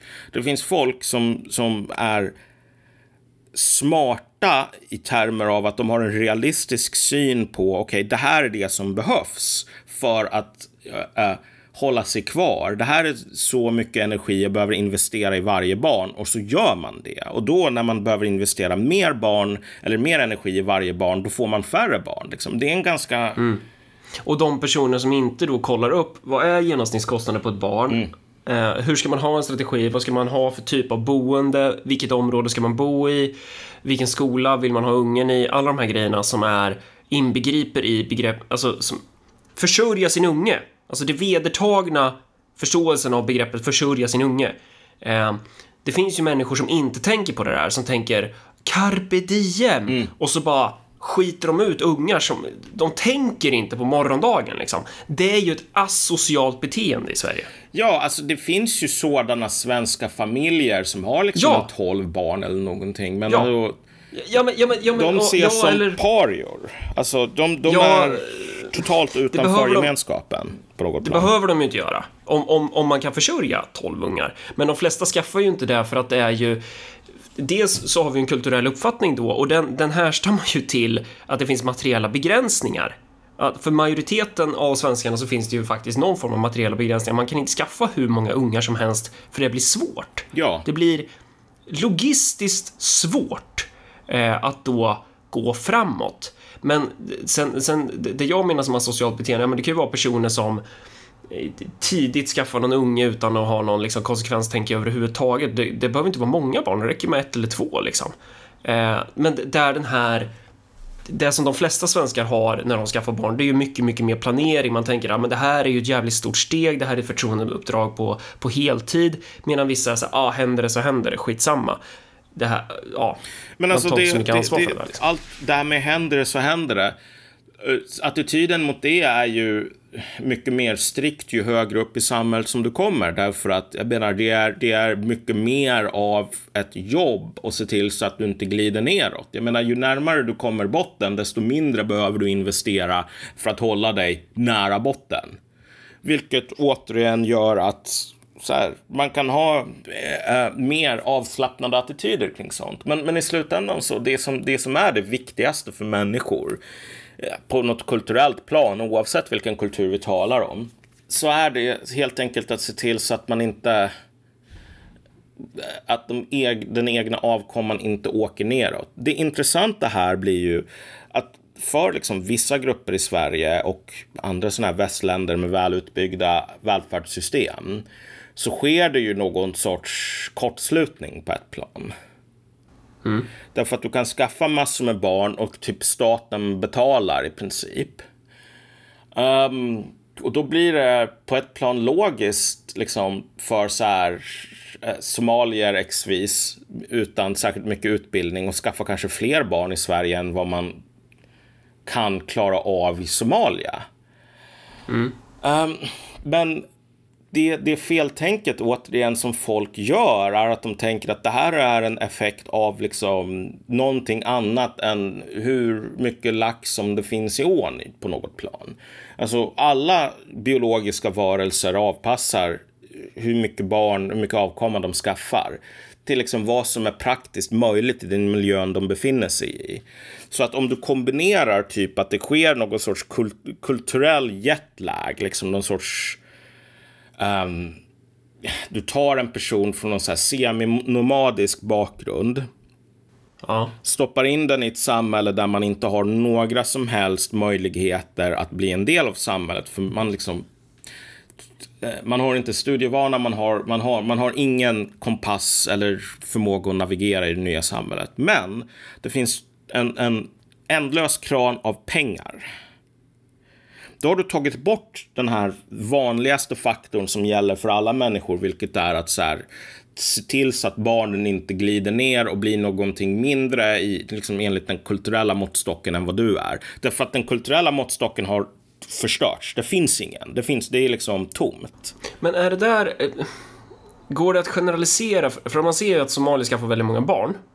Um, men gäller det för alla? För jag tänker att ett, ett annat beteende borde ju vara att man ser också möjligheter att avancera in i det nya samhället. Så du borde kunna ha, det är klart att det finns båda beteenden. Klart att inte alla tänker på samma sätt, men att man borde väl kunna se även en sån tydlig trend tycker man ju att det borde finnas någonting hos vissa familjer som är så här, ja men vi skaffar inte lika, lika många barn utan vi, alltså, nu kanske jag är jättenaiv och dum i huvudet i och för sig. Alltså att man, att man någonstans strävar efter att bli en del av det svenska samhället, typ. Men- om, om vi tänker på de här somalierna som kom efter Siad Barre, då eh, kriget runt 90, 90-strecket där. Nu har inte jag data på det, men det hade ju varit intressant att titta på. För de familjerna integrerades ju in i Sverige mycket mer än vad somalierna som kommer idag. Jag träffade ju någon nere i Somaliland som började snacka med mig. Jag tror jag berättade den anekdoten tio gånger nu, men han började prata med mig helt random och jag var så här morgontrött, det var varmt och jag kände så här, men idiot, ser jag ut som en person som kan somaliska? Och sen efter ett tag så hör jag, han pratar ju den grötigaste skånskan som någon individ i världen kan uppbåda. Så här, riktigt bred malmöitiska. Eh, inte, ett, inte, ett, inte en millimeter av brytning. Eh, och han sa ju det att ja, men de som kommer från Somalia idag, de har ju inte ens upplevt ett fungerande, en fungerande stat, typ. Utan när vi kom till Sverige på 90-talet, då fanns det ju ändå så grundskola, vi kunde läsa.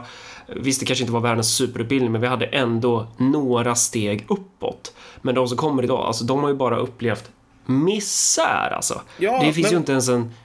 Så. så att, och det påverkar väl då också beteendet någonstans kanske? Ja, jo men exakt. Men, och det här är inte, alltså vad folk inte gör, det är att de sätter sig ner en dag och bara, jag ska skaffa eh, så och så många barn av ideologiska skäl. Ingen gör så. Utan vad folk gör är att de skaffar barn eh, liksom så många ungefär som det är praktiskt möjligt många gånger. Och det som, det som begränsar vad som är praktiskt möjligt, det är inte ideologi, det är fan praktik. Så att Uh, om du är en somalier som vill att dina ungar ska komma in på läkarlinjen, då skaffar du inte särskilt många ungar. Därför att, och det är inte av, återigen, någon sån här kulturell, ideologisk, whatever, liksom min ras har så här många barnafödande poäng, utan det är bara liksom komma in på läkarlinjen, du behöver göra dina hemläxor, du behöver ha liksom, akademisk vana, allting sådant. Du behöver lägga ner massor med jobb per barn. Så då blir det liksom 1,7 barn eller någonting. Eller kanske 2,5 om du känner dig liksom riktigt jävla fancy schmancy. Men det blir inte 6 och det blir definitivt inte 10. Um, ehm, men människor som inte har någon som helst tillgång ens till att börja fundera i de banorna. Mm. Alltså de, ja, där, är ju, där ser det ju väldigt annorlunda ut. Men, men resultatet av det blir att alltså, Sverige har ju skapat en situation där, återigen, så här, om du skaffar fler barn än vad du klarar av att göra i Somalia, Mm. så ser folk på dig som en lika stor idiot som om du skaffar fler barn än vad du klarar av att försörja dig i Sverige. Mm.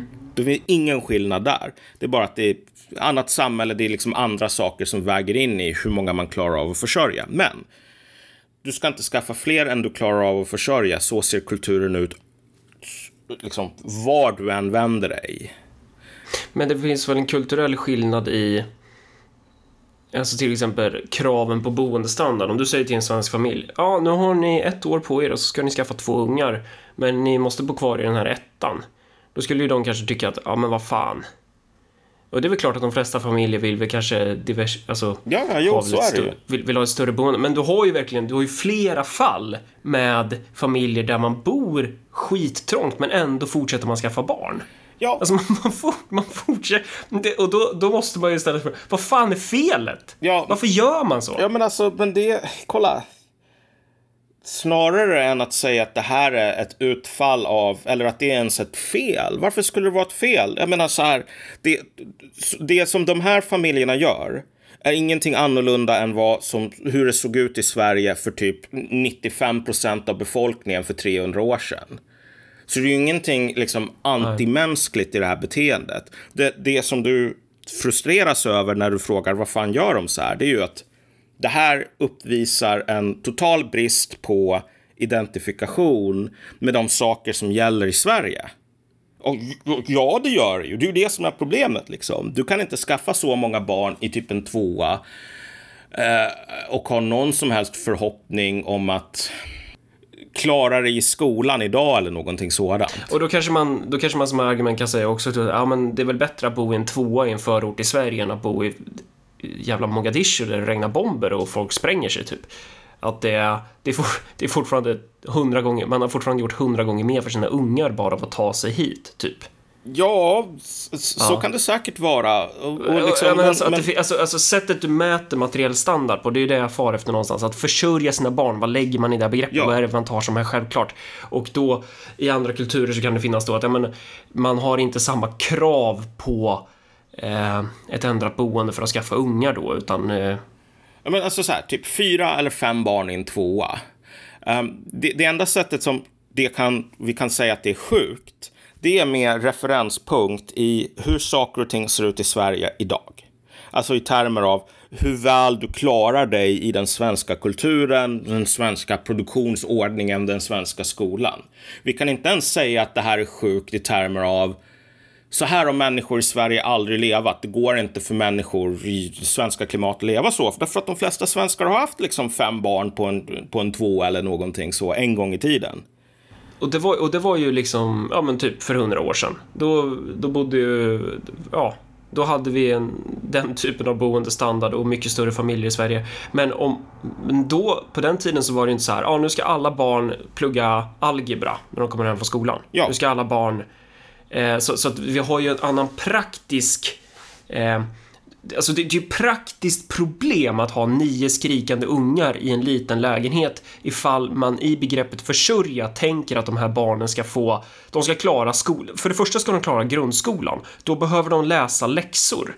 Eh, de behöver ha Ja, men det, det är mass, massa såna här grejer. Det, visst, det, det, det går ju att göra det om det är lugn och ro i hemmet, men det blir ju svårare för varje unge då att klara det. Ja. Så då behöver man liksom stö, stötta upp det där med någon slags extern läxhjälp och en massa, jag vet inte vad. Ehm, Ja, men exakt. Det är ju det som är grejen här. Att det som, det som är problemet här är inte den, någon sorts objektiv allmänmänsklig standard, utan det är att det här är en, en sån här rund kloss som försöker passa in i ett fyrkantigt hål. Uh, och det fyrkantiga hålet då är bara det svenska samhället så som det ser ut idag. Och um, helt oaktat, jag menar någon sorts objektivt argument här vad människor mår bra eller dåligt av. Så om du bestämmer dig som så här medelklassvän och jag ska inte ha en lägenhet, jag ska ha fyra barn och vi ska bo i en husbåt.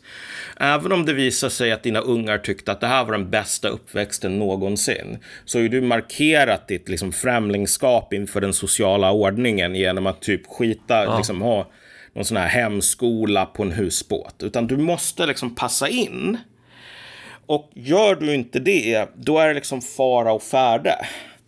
Och, och då är du antingen en person som, alltså en individ, som inte passar in för att det är något fel i skallen med dig. Liksom, du, du, är, du är galen eller excentrisk. Eller när du har liksom det här på gruppnivå, då är det ju något så här systematiskt. Liksom. Något att man inte har möjligheten eller viljan eller färdigheterna att, att kunna passa in. Och det här är ju det som är den, den stora paradoxen i termer av liksom det, det svenska välfärdssystemets innersta motsättning på något plan och idén om att använda invandring för att rädda det svenska välfärdssystemet från problemet med alltså sjunkande nativitet. Säg. Så här. Mm. Ju mer integrerade invandrare blir, oavsett om de är koreaner eller vad fan det nu är. Och då menar jag inte med integrerade att de börjar föredra senapssill framför kimchi. Det där är totalt relevant, utan integrerade i, i bemärkelsen att de, de kan vara en del av någon form av liksom, eh, utbildningsväsende, jobba inom äh, den liksom, ekonomin, allting sådant. Sen vad de, vad de dyrkar för Gud, vad de gillar för mat, det, är, det, det, kan man lägga åt sidan. Men liksom, ju mer integrerade de blir, mest grundläggande så här, en del av samhället, desto mindre barn kommer de att skaffa. Men de kommer ju också behöva ha en gemensam moralisk eh, uppfattning om saker och ting. Det är som de säger i Åtvidaberg Ink, att vissa har kebabsås på capricciosan och andra har inte det. Men, men just när det gäller, och, och där kan man ju liksom komma överens om att man kan acceptera olikheter, men när det gäller att alltså att ha ja, men alltså, gemensam kulturell syn på stat, samhälle, alltså first principles, sådana grejer. Ja, fast här, här, pratar du i slutändan om två olika saker. Alltså det, de här, det är nice och det är nog användbart och kanske till och med nödvändigt för en nationalstat att det finns någon sorts grundläggande kulturell gemenskap snarare än någon sorts atomisering där du går till jobbet och sen det är det enda staten bryr sig om. Uh, resten, whatever. Men även i ett samhälle som säger att vi skiter i allt det där mm. så kommer bara det faktum att man ingår i skolsystemet eller på arbetsplatsen och liksom har verktygen att göra det, helt oavsett vilken kebabsås eller brist på kebabsås man har på vilken pizza som du kan välja från menyn. Det kommer att räcka bara integreringen i ekonomiska utbildningsmässiga institutioner för att driva ner barnafödandet till ungefär samma nivå. Mm, mm. Så, så, så just, min... just på grund av de ekonomiska faktorerna är, de påverkar så starkt dina möjligheter att reproducera dig någonstans. Ja, Eller? alltså det är ju, ja. de påverkar det därför att det är ju i slutändan inte, om vi tänker på var tvånget kommer ifrån, det som formar människors beteende.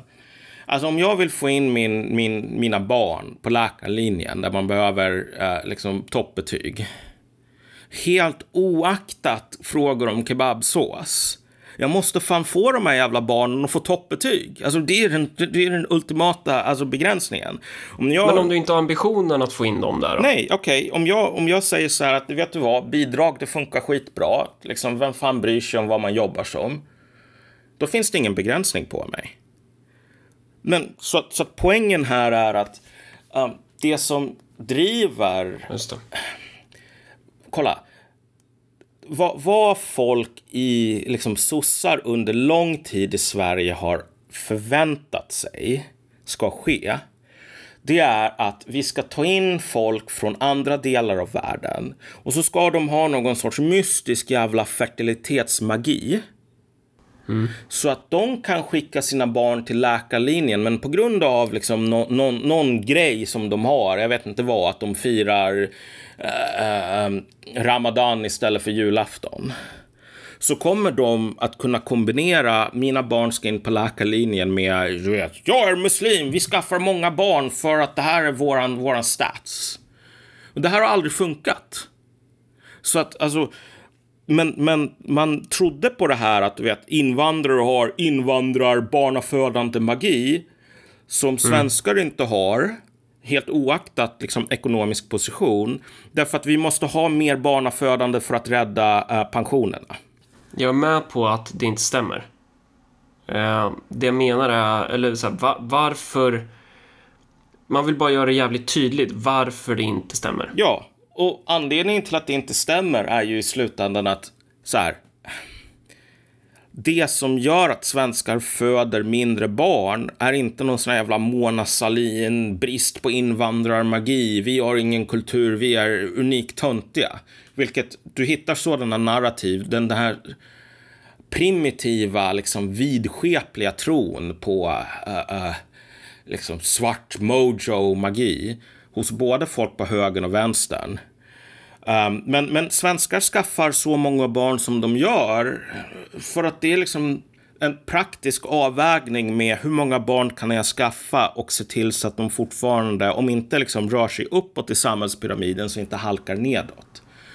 Men är, inte, är vi inte tillbaka på ruta ett igen då, efter den här loopen? För att då, då om du då har om du då kommer från ett samhälle där du tänker att ja, men jag behöver inte ha det finns ju fortfarande möjlighet att de här barnen kanske skulle kunna klara sig då för att, för att samhället... Alltså skulle man inte kunna argumentera för att ja, men samhället pumpar in en massa barnbidrag till familjer. Vi har ju konstgjord andning på fertilitet via staten. Mm. Eh, vi, vi förmår ju... För barn, det är klart barnbidrag spelar roll i huruvida människor skaffar ungar eller inte.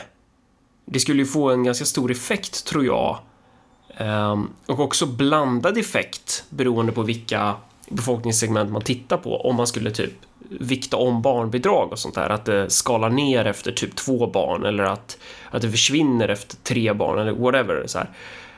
Ja, sådana saker skulle kunna ha jättestora effekter.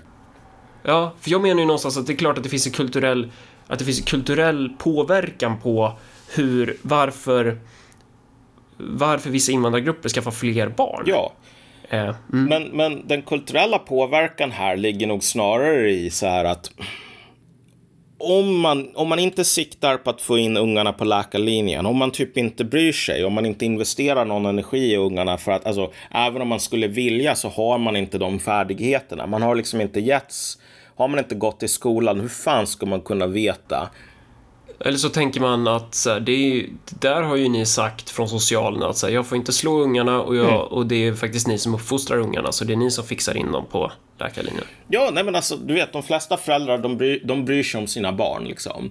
Så att, ja, så att man, man, ska inte anta att det finns någon sorts um, um, jag vet inte vad, liksom någon sorts konspiratoriskt tänkande här liksom kring att nej, men ni är bara verktyg i något sorts demografiskt spel. Nej, men man har inte, man har inte förmågan på något plan att göra mycket mer än att säga ja, lycka till. Jag vet fan inte vad det är som gäller i Sverige. Jag har ingen koll. Uh, det är ert jobb att ta reda på liksom.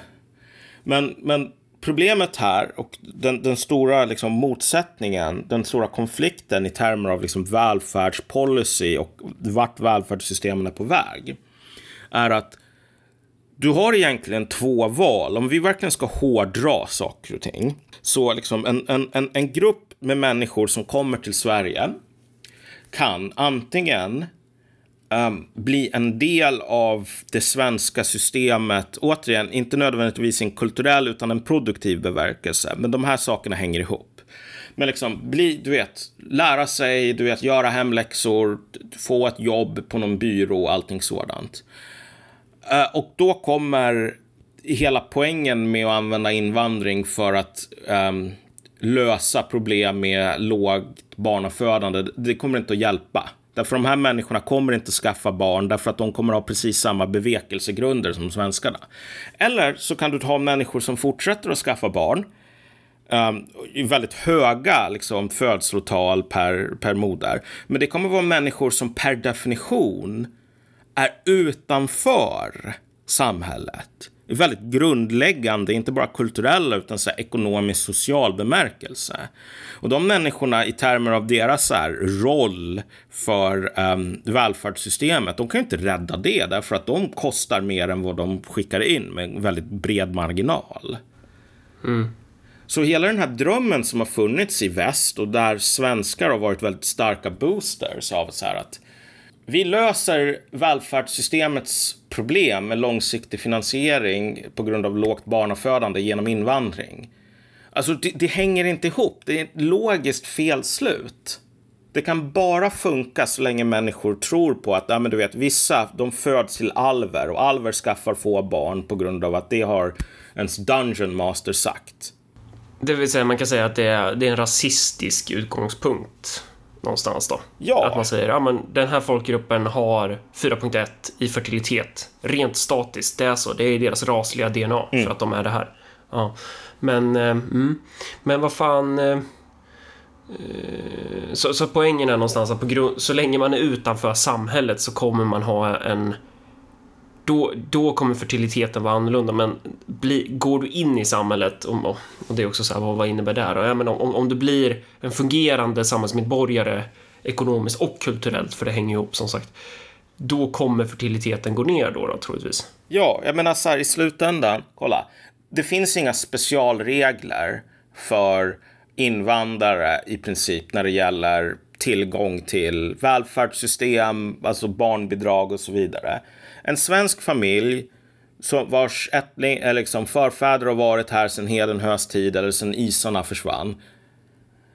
Du vet, de kan också skaffa tio barn på en tvåa. Fast, fast det finns ju, de har, de har ju förtur på bostäder, de kan ju få...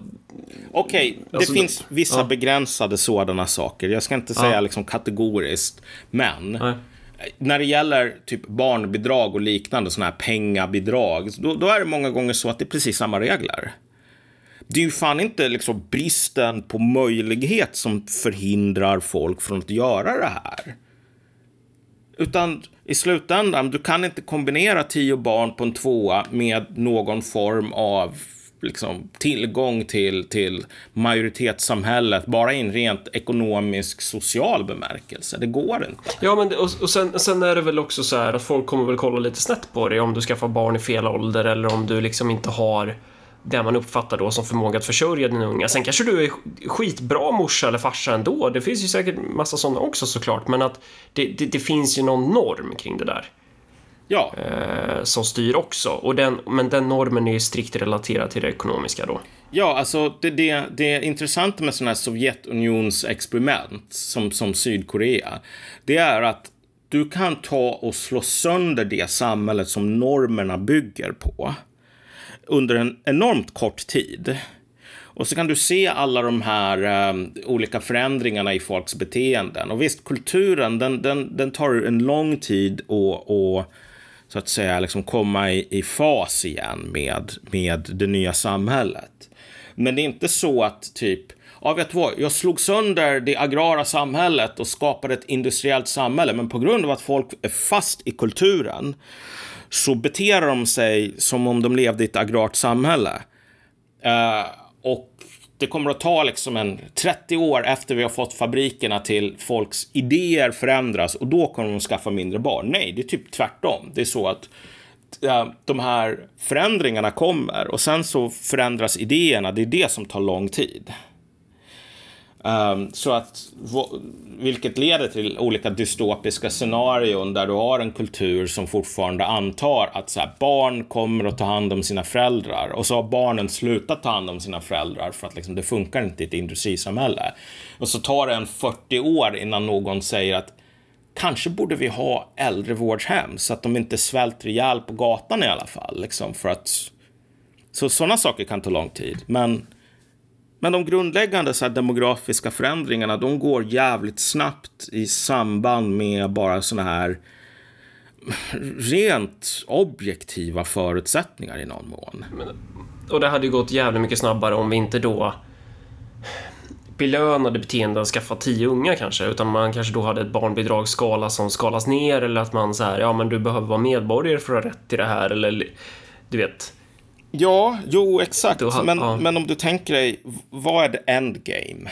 Vad är det endgame med ett system där du har ett, ett, ett välfärdssystem med ganska erkända problem med långsiktig finansiering? Där folk har hoppats på att invandring ska lösa det här. Ja, och så inser vi att så här, bostadsrättsiranier, de kommer fan inte att lösa ett piss i termer av att skaffa en fyra barn eller någonting. Därför att uh, det är svårt att få in alla fyra barn på läkarlinjen. Det är enklare att få in två barn. Så det är det vad de kommer att välja, liksom, för att det är deras bevekelsegrunder i slutändan. Men, men, men ja. Mm. Vad, vad är det som är men ja här? Ja, nej men och sen har du väl mer grejer också som är typ så här att ja men eh, man är själv utbildad, man, går, man, man utbildar sig längre. Ja. Eh, det tar längre tid innan man får tillräckligt med cash för att köpa en, en, bra kåk i ett bra område och sen i takt med att samhället går ännu mer åt helvete för att vi ska importera alla raketforskare så, eh, så blir det ännu större konkurrens om de här bostäderna. Eh, så ribban höjs ju hela tiden. Alltså det var ju lättare på den tiden då du blev kidnappad till ABB när du gick ut från skolan och man bara såhär, du ska in i fabriken, håll käften och jobba. Då kunde du ju skaffa en villa när du var, kanske inte 12, men nästan. Så du, du, du kunde ju skaffa familj mm. tidigare på grund av hur den ekonomiska modellen såg ut under den eran. Men nu har ju hela den här reproduktionsmöjligheten ju skjuts framåt och det, och det går väl överlag i alla klasssegment.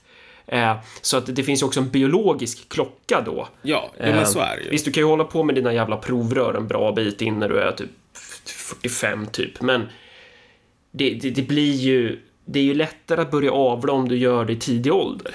Ja, exakt. Så att alltså det där folk gör mer och mer, ju hårdare konkurrensen blir, desto mer kommer folk att liksom välja att inte skaffa barn därför att det är liksom praktiskt för svårt.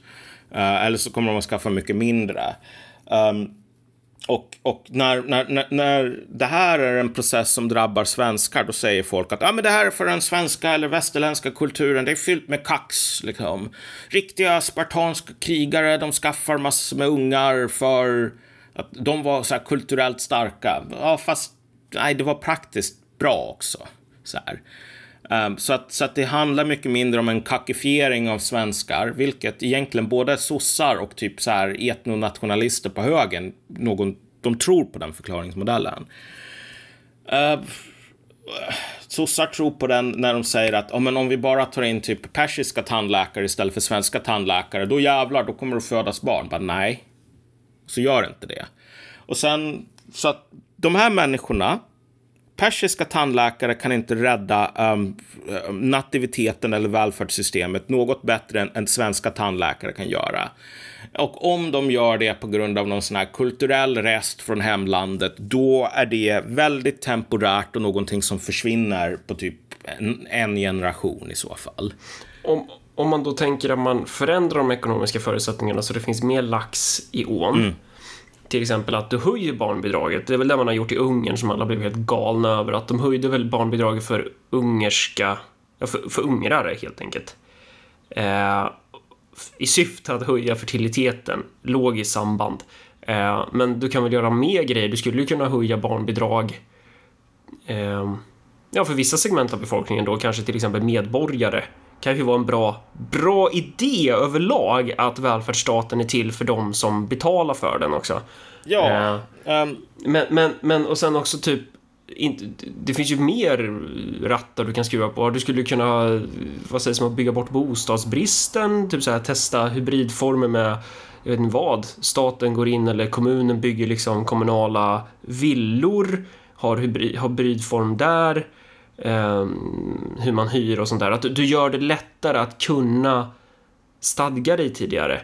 Eh, så det går väl att, att från menar, att från politikens sida ändra förutsättningar. Det är ju inte helt skrivet i sten att det måste bli Sydkorea. Ja, jo, jo så är det ju. Alltså det, som sagt, det, det som bestämmer sådana här saker är ju mycket mer hur sam, liksom de be, bevekelsegrunder folk måste leva efter snarare än, än liksom deras idéer. Så om vi nu ska liksom ha det här um, stereotypa tandläkarexemplet. Om du bygger um, hundra nya tandläkarutbildningar i Sverige. Ja, då kommer folk inte behöva äh, drilla sina söner och döttrar, liksom slå och slå dem på fingrarna för att de inte gör hemläxorna. Fast å andra sidan så kommer det antagligen inte vara så jävla lönsamt att vara tandläkare, så det kommer, man kommer att röra sig mot någonting annat.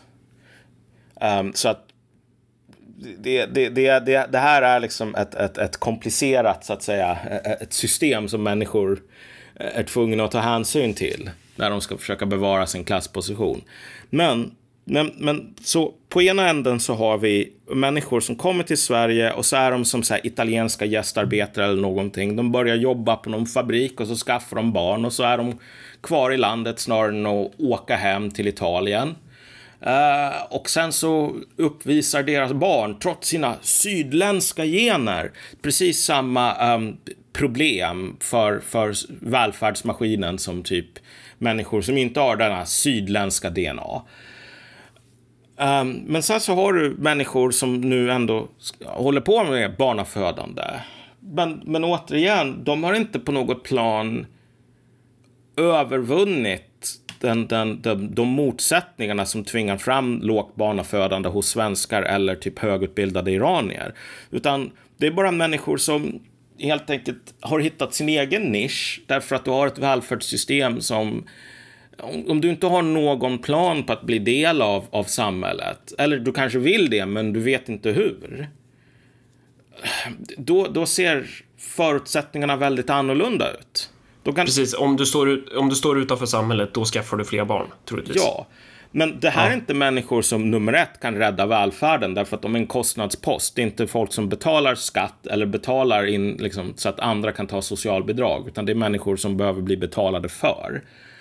Problem nummer ett. Problem nummer två är att de mer eh, färgglada um, skrönorna om att du vet, det här är människor som kommer att ta över landet för att de föder så många barn. Nej, men du vet, de kan inte ta över landet. Det är därför de föder massor med barn i slutändan.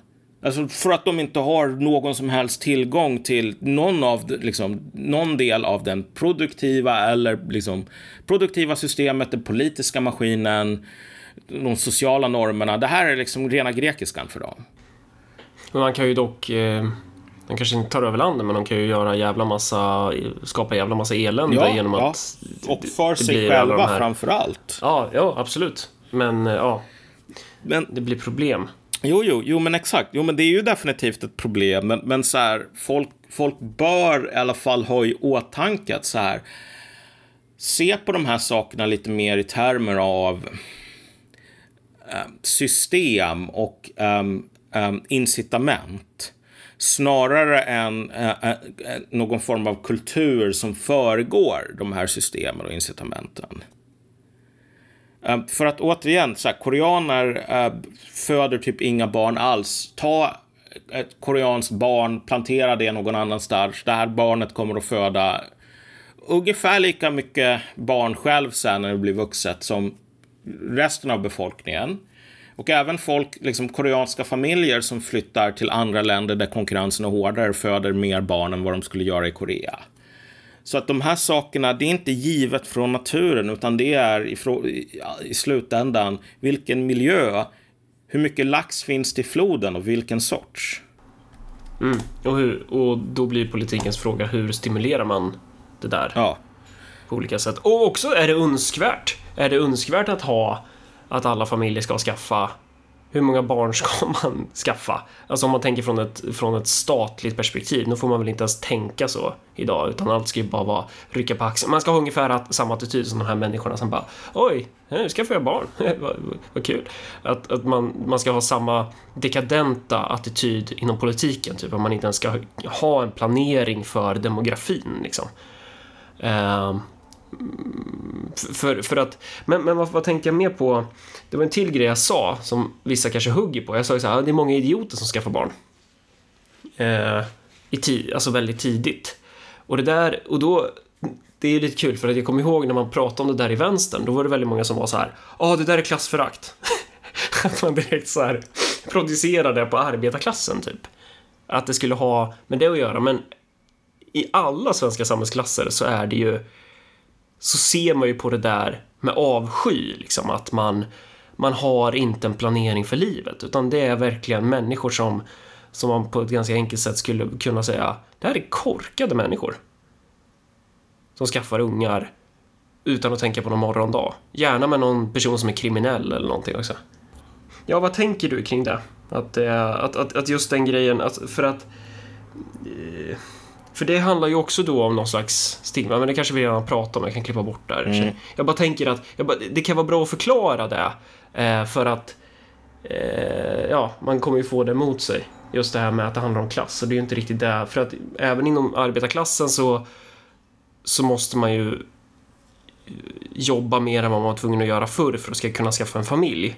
Mm. Eh, så att även där höjs ribban. Även där blir det ju svårare att skaffa bra boende, bra område eftersom ja, allt fler områden blir sämre idag.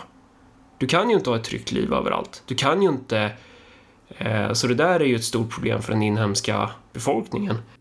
Alltså kolla, det, det, så här får man säga om det. Att alltså, det finns ju en gnutta av sanning i vänsterns liksom, anklagelse om klassförakt. Det är bara det att den, den, den, den pekar åt fel håll på ett plan. Så här, om du tillhör arbetarklassen, um, folk som har jobb, städade förhållanden, så. Då är det självklart så att, att, att skaffa barn utan någon sorts planering är någonting som är dåligt. Så, som ses med oblida ögon. Uh, men om du tänker dig snäppet under det. Mm. Ett par steg längst ner mot liksom samhällsstegen. Typ fattiga människor i Appalachien och så vidare. Det finns kanske spillror kvar av den sortens kultur från den tiden där gruvorna var öppna och folk ändå hade jobb och så vidare. Men realiteten på många ställen är bara så här att det är, det är fan ganska mycket kaos. Det, det är så här staten ger någon form av konstgjord andning i, i form av welfare, bidrag. Uh, och liksom folk, nej men de skaffar barn tidigt och liknande på grund av att det finns inte en social väv, det finns inte ens en stark kultur nog som kan säga det här är dumt för att kulturen har slagit sönder. Sen så kan man väl säga att så här, ja, det är inte en bra grej att det är så. Det är ju ingenting som ska hyllas, typ att så här, en person som är beroende av fentanyl skaffar barn när hon är typ 19 år med någon så här halvkriminell. Mm. Men, mm. men om någon säger så här att oh, men det, du vet, det är någonting som faktiskt sker i de klasserna, men som inte sker typ i övre medelklassen, det är ju korrekt. Så här det är få människor i den övre medelklassen som typ skaffar um, som jo, barn när de är 18, 19. Att, liksom, under trasproletära förhållanden ja. så... Men, men sen har du ju också alltså, personer som kan komma från relativt fungerande familjer och sen så är det någon som bara ah, jag ska skaffa barn. Okej, men har du någon plan för det här? Nej. Nej. Där borde man ju ha en kultur som säger nej, det där, det där får du ju göra när allting är på det klara. Att det borde finnas en social spärr någonstans. Ja, jo, men det finns det ju. Det finns det ju. Det enda jävla... stället som det inte finns ja. sådana sociala spärrar, det är hos trasproletariatet. Liksom, för att de spärrarna har slagit sönder, typ. Ja, fast ja. Nej men vadå? Jo. Finns det massor med överklassfamiljer där, typ, Nej, nej. där, där folk Men- gör såna här grejer och folk bara, "Ja, men kör på. Ja. Nej. Jag menar, det, det, det, det finns... Det här är någonting som, som man ser relativt ofta i liksom de, de absolut lägsta skiktet, så här, trasproletariatet så. Därför att, inte på grund av att nödvändigtvis att det är en positiv idé om att det här är bra, liksom en patriotisk medborgare skaffar barn så tidigt, liksom, utan för att folk som har checkat ut ganska mycket. Mm. Jo, jag är med på det. Ja. Och det är ju lätt för mig att sitta och Nå, korkade människor. Men jag, jag, det är inte dem jag har i åtanke. Jag sitter ju och tänker på några faktiska människor. Jag tänker inte droppa några Ja, namn, men det är ju verkligen så här. Jag blir så jävla frustrerad över hur det är samma sak som när jag ser Paradise Hotel eller vissa program, att jag tänker så här, vad är det för jävla skitsamhälle som släpper igenom så många människor, trots att vi lägger enorma resurser på vårt utbildningssystem, trots att vi investerat miljarders miljarder i att bygga Sverige som nation och stat, så kommer det ändå människor och går igenom alla de här åren. Du vet, de, de går lågstadie, mellanstadie, högstadie, gymnasium, kanske till och med pluggar några år på universiteten, och de är dumma i huvudet! De kan inte tänka. Alltså det är det som är... Jag har ju haft någon instinktiv spärr mot att, att säga att människor kan vara korkade. Men det, det är så jävla intressant hur ett samhälle kan producera människor som... De... de det är korkade människor. Det är korkade människor. Och, och det, det är för mig någonting, jag har så svårt att greppa det. Jag har så jävla svårt att greppa att vi kan släppa igenom sånt och att det är liksom, det går att vara korkad idag. Du överlever ju att vara korkad idag. Men det är kanske ett annat avsnitt. Men, och det var, det var utifrån det som jag tänkte då att för många människor, de har ju någon form av konsekvenstänkande när de tänker på det här med barn och familjebildning. Och det är just på grund av det konsekvenstänkandet som fertiliteten går ner. Eh, sen så har du ju, om, om, om du är en pundare som bara lever efter manjana manjana attityd eller något liknande, ja vad fan, du kommer väl skaffa massa ungar då. Så. Så att, så att, men det var inte just det jag tänkte på, utan det är mer så här personer som, eh, jag vet inte. De, de vet fan inte vad som är, eh, vad huvudstaden i landet heter, men de skaffar barn. De, eh, de har liksom en, en ignorans inför världen, men de skaffar barn.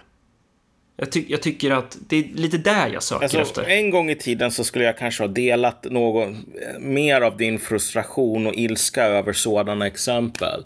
Men om du tänker dig vad, vad, vad motsatsen till ett samhälle där folk gör så är, där det inte finns någon som tänker i de termerna, men då har du Sydkorea. Så jävla fint planerat allting. Det är bara ett samhälle som inte är avpassat för Fast människor. Det är, inte det, det är inte det jag vill ha. Jag vill bara ha... Jag vill att de här människorna, innan de skaffar den där jävla ungen, bara har lärt sig att ja, men hur samhället är funkat, att, liksom att, att de här, all den här utbildningen vi investerar i de här människorna, att det faktiskt ger något resultat. Det är lite det jag säger. Men det, är, ja, det blir lite så här off topic, eller så här. Men åter till en till grej som du sa i början. Jag hade i vårt lilla exempel, alltså jag är så svettig nu, det är, alltså jag är så blöt. Eh, men då, då eh, lekte vi med tanken att jag sitter på ett college någonstans och så har jag skrivit så här “convince me otherwise” och där du, du skulle övertyga mig om det är att Nordkorea det är lite bättre än Sydkorea, eller vad fan var det du sa? Alltså, Jag är- att säga att jag- Nordkorea är bättre, det, det tar emot. Så jag skulle säga att det är lite mindre uh, dystopiskt än Ja, fast- Sydkorea. ja. Ja, alltså jag köper ju att Sydkorea verkar vara ett jävla pissamhälle baserat på vad du säger. Eh, men jag vill, ju jag vill ju inte bo... Båda är ju värre. Ja, ja. Jag skulle ju nog säga att, att Nordkorea är ju fan... Det är ju, alltså av alla typ historiska samhällen du kan tänka dig, så Nordkorea tar ju typ priset. Nej, alltså det, Det är är det typ- som är grejen. Nordkorea är ett helt vanligt jävla shithole country. Det är det som är grejen. Uh, det, det är ett shithole country. Det är så här, en av anledningarna till att det är så... Äh, äh du, har haft så mycket problem med svält var ju att Korea var ju en gång i tiden ett land. Nordkorea det är den delen som det inte finns någon åkermark i för att det bara är massor med jävla skitiga äh, berg. Um, så att det, det är ett bergsland med superrasistiska invånare, någon sån här kommunistisk uh, uh, diktator som har massor med sjuk konstiga idéer. Alltså det är Albanien. Det är Albanien fast i Asien. Albanien under Enver Hoxha. Och så här, Albanien ja. är extremt långt ner på liksom länder som jag skulle vilja bo i.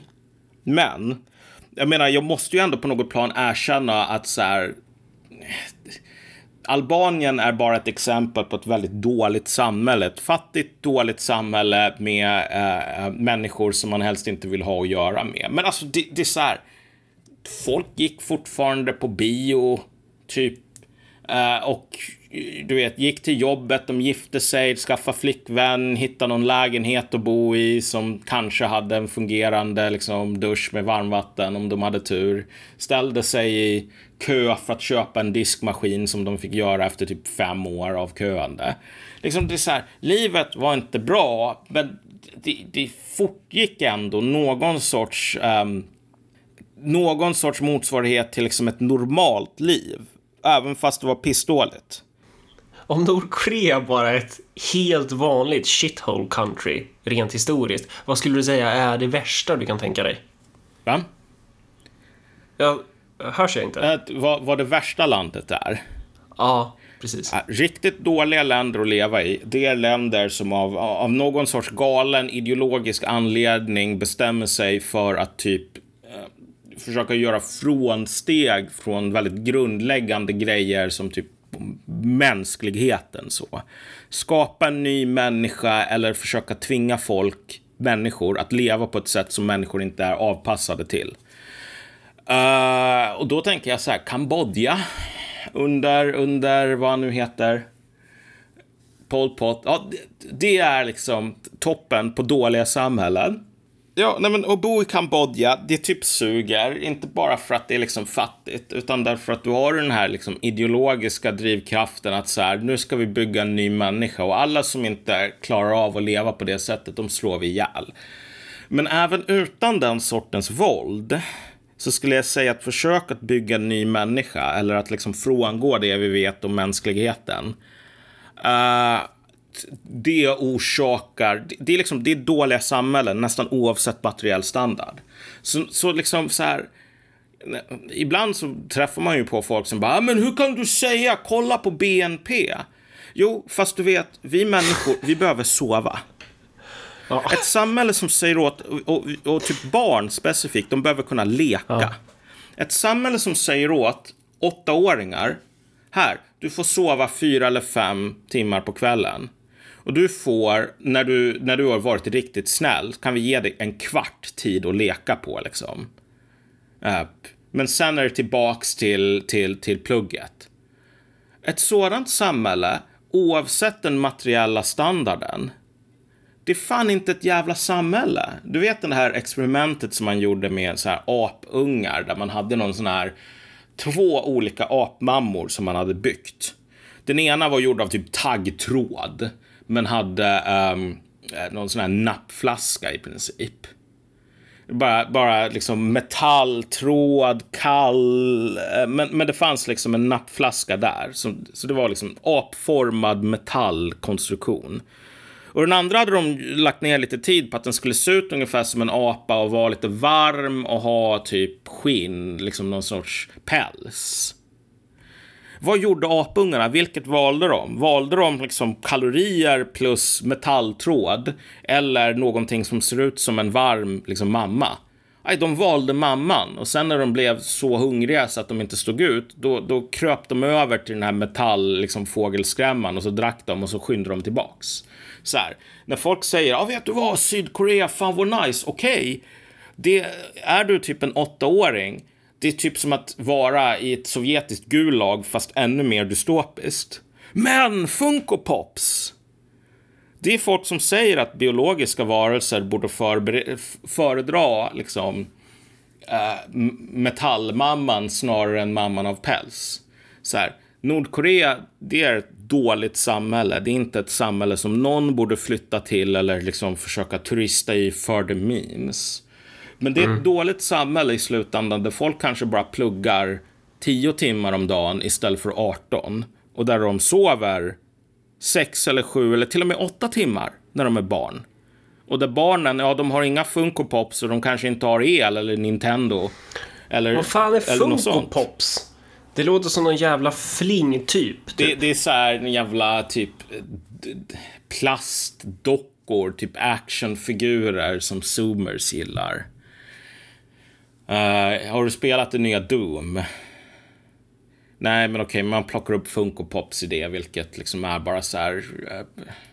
Uh, Googla Funko Pops, din jävla boomer. Men jag har, jag har googlat Ernst Wigfors, ja. han har ett citat här. Och målet med samhällsutvecklingen skulle vara att vi skulle arbeta maximalt, vore vi sinnessjuka. Ja. Målet är att frigöra människan till att skapa maximalt. Ja, exakt. Och det, det här är det som är grejen. Alltså, Nordkorea på ett plan, det är ett socialistiskt samhälle, det är ett dåligt samhälle, bla bla bla, det är så här fattigt, hungersnöd då och då på grund av att landet inte har någon åkermark. Men det är inte ett samhälle i slutändan som har några högra, höga ambitioner i att förvandla människor till, till typ arbetsmyror i en myrkoloni. Nordkorea väl? Det är väl fan själva definitionen av vad de håller på med jämfört med Sydkorea, nej. Jag menar i slutändan så här, ja du måste hålla på och gråta när den stora ledaren dör och så vidare. Men, men vad fan. Det är inte ett samhälle där man försöker att, att förvandla barn till någon sorts liksom pluggmaskiner.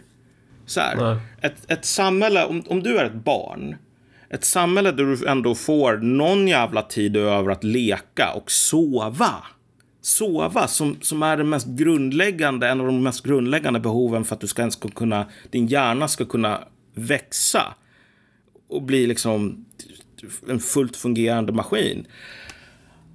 Uh, alltså det, det är mindre liksom sömn, mycket mindre så här att du inte får sova nog med timmar i ett sådant samhälle. Och återigen, Sydkorea, det är ett rikt samhälle i jämförelse.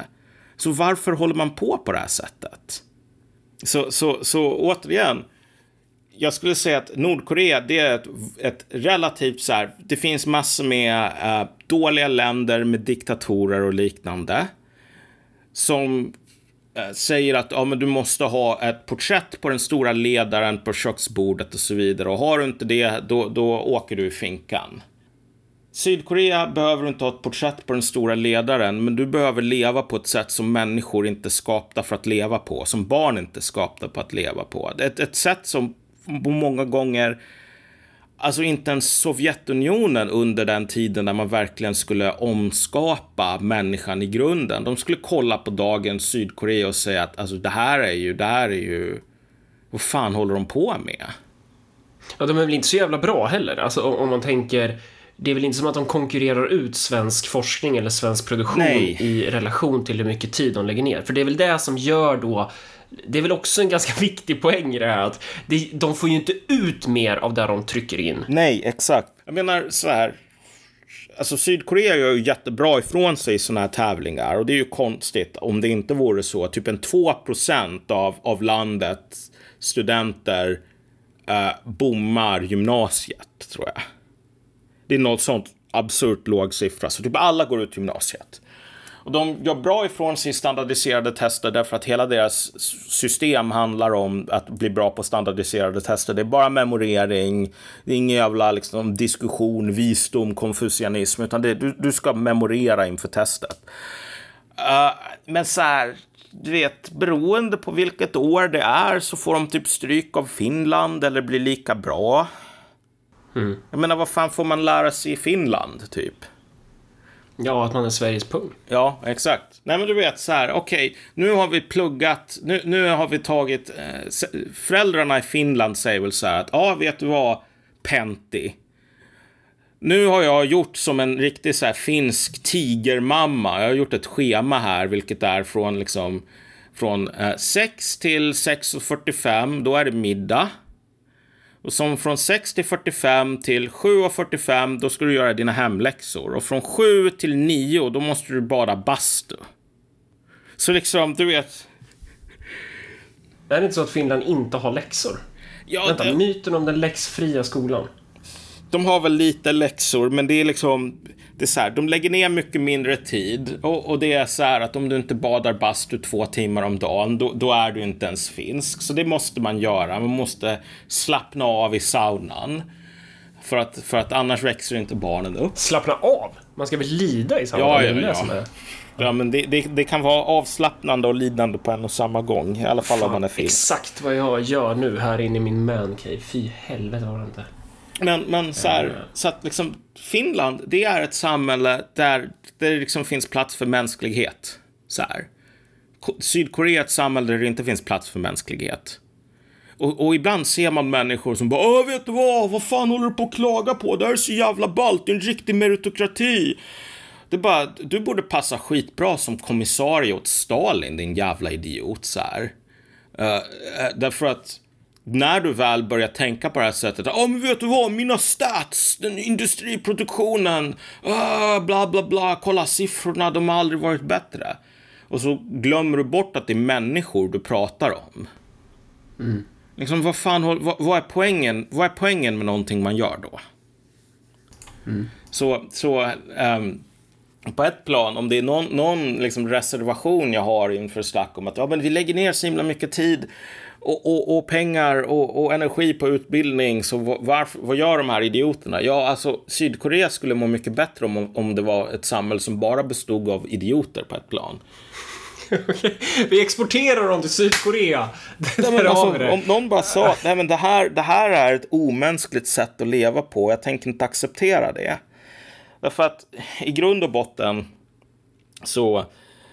eh, jag tror att folk ska, det är typ två barn per kvinna eller någonting det, i det, det, är Nordkorea. inte, det är inte som att jag ska in med någon jävla sossesax och knipsa eh, kuken av någon eller så, utan det är mest bara... Jag tycker vi misslyckas som samhälle när jag träffar vissa individer. Och jag känner så här, du är 25 bast, eller du är 30 år och du vet fan inte vad som är upp och ner på världen. Ja, ja, jo. Och det, det är så här, den, den, det är inget personligt mot, den perso mot personen i fråga, utan det är ju så här, vi har misslyckats som samhälle när man träffar vissa människor.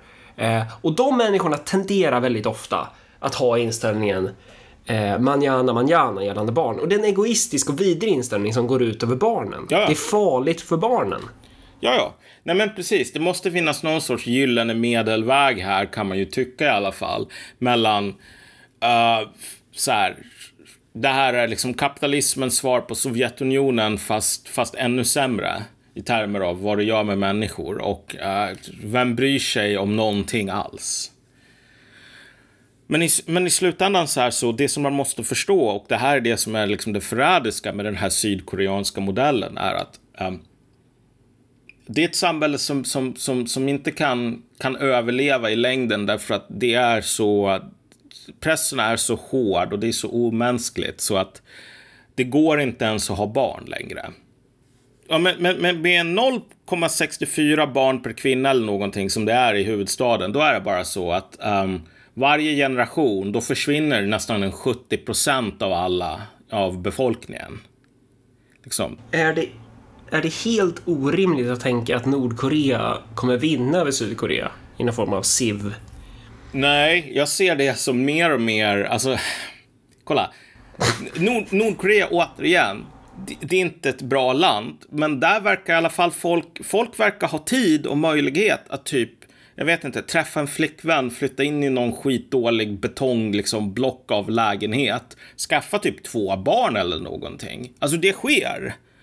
Så liksom den, den vanliga så här mänskliga äh, äh, äh, livet fortgår i denna liksom kommunistdiktatur bättre än vad den gör i det här samhället som många under lång tid har sett att det här är, det här är ett bra exempel. Vi borde lära oss av, av, av liksom, Sydkorea. Vi borde, vi borde bli mer som dem, för där, där lägger man ner mycket tid och liksom, på utbildning. Bara, ja, fast återigen, om vi ska ta, om vi ska ta en, en, en, en grej som är väldigt enkel, liksom ett val som är världens enklaste val. Tänk dig att du är tvungen att leva i Sovjetunionen typ 1978 eller 82 jämfört med Sydkorea idag. Allt det dåliga med Sovjetunionen, det är så här du kan inte åka utomlands på semester utan du måste åka till Svarta havet. Uh, det är liksom korruption. Du måste stå i en väntlista i fyra år för att köpa en pissdålig bil. Dålig standard, inte mycket politisk frihet. Alltså en person som säger att jag väljer Sydkorea, en sån person är typ dum i huvudet.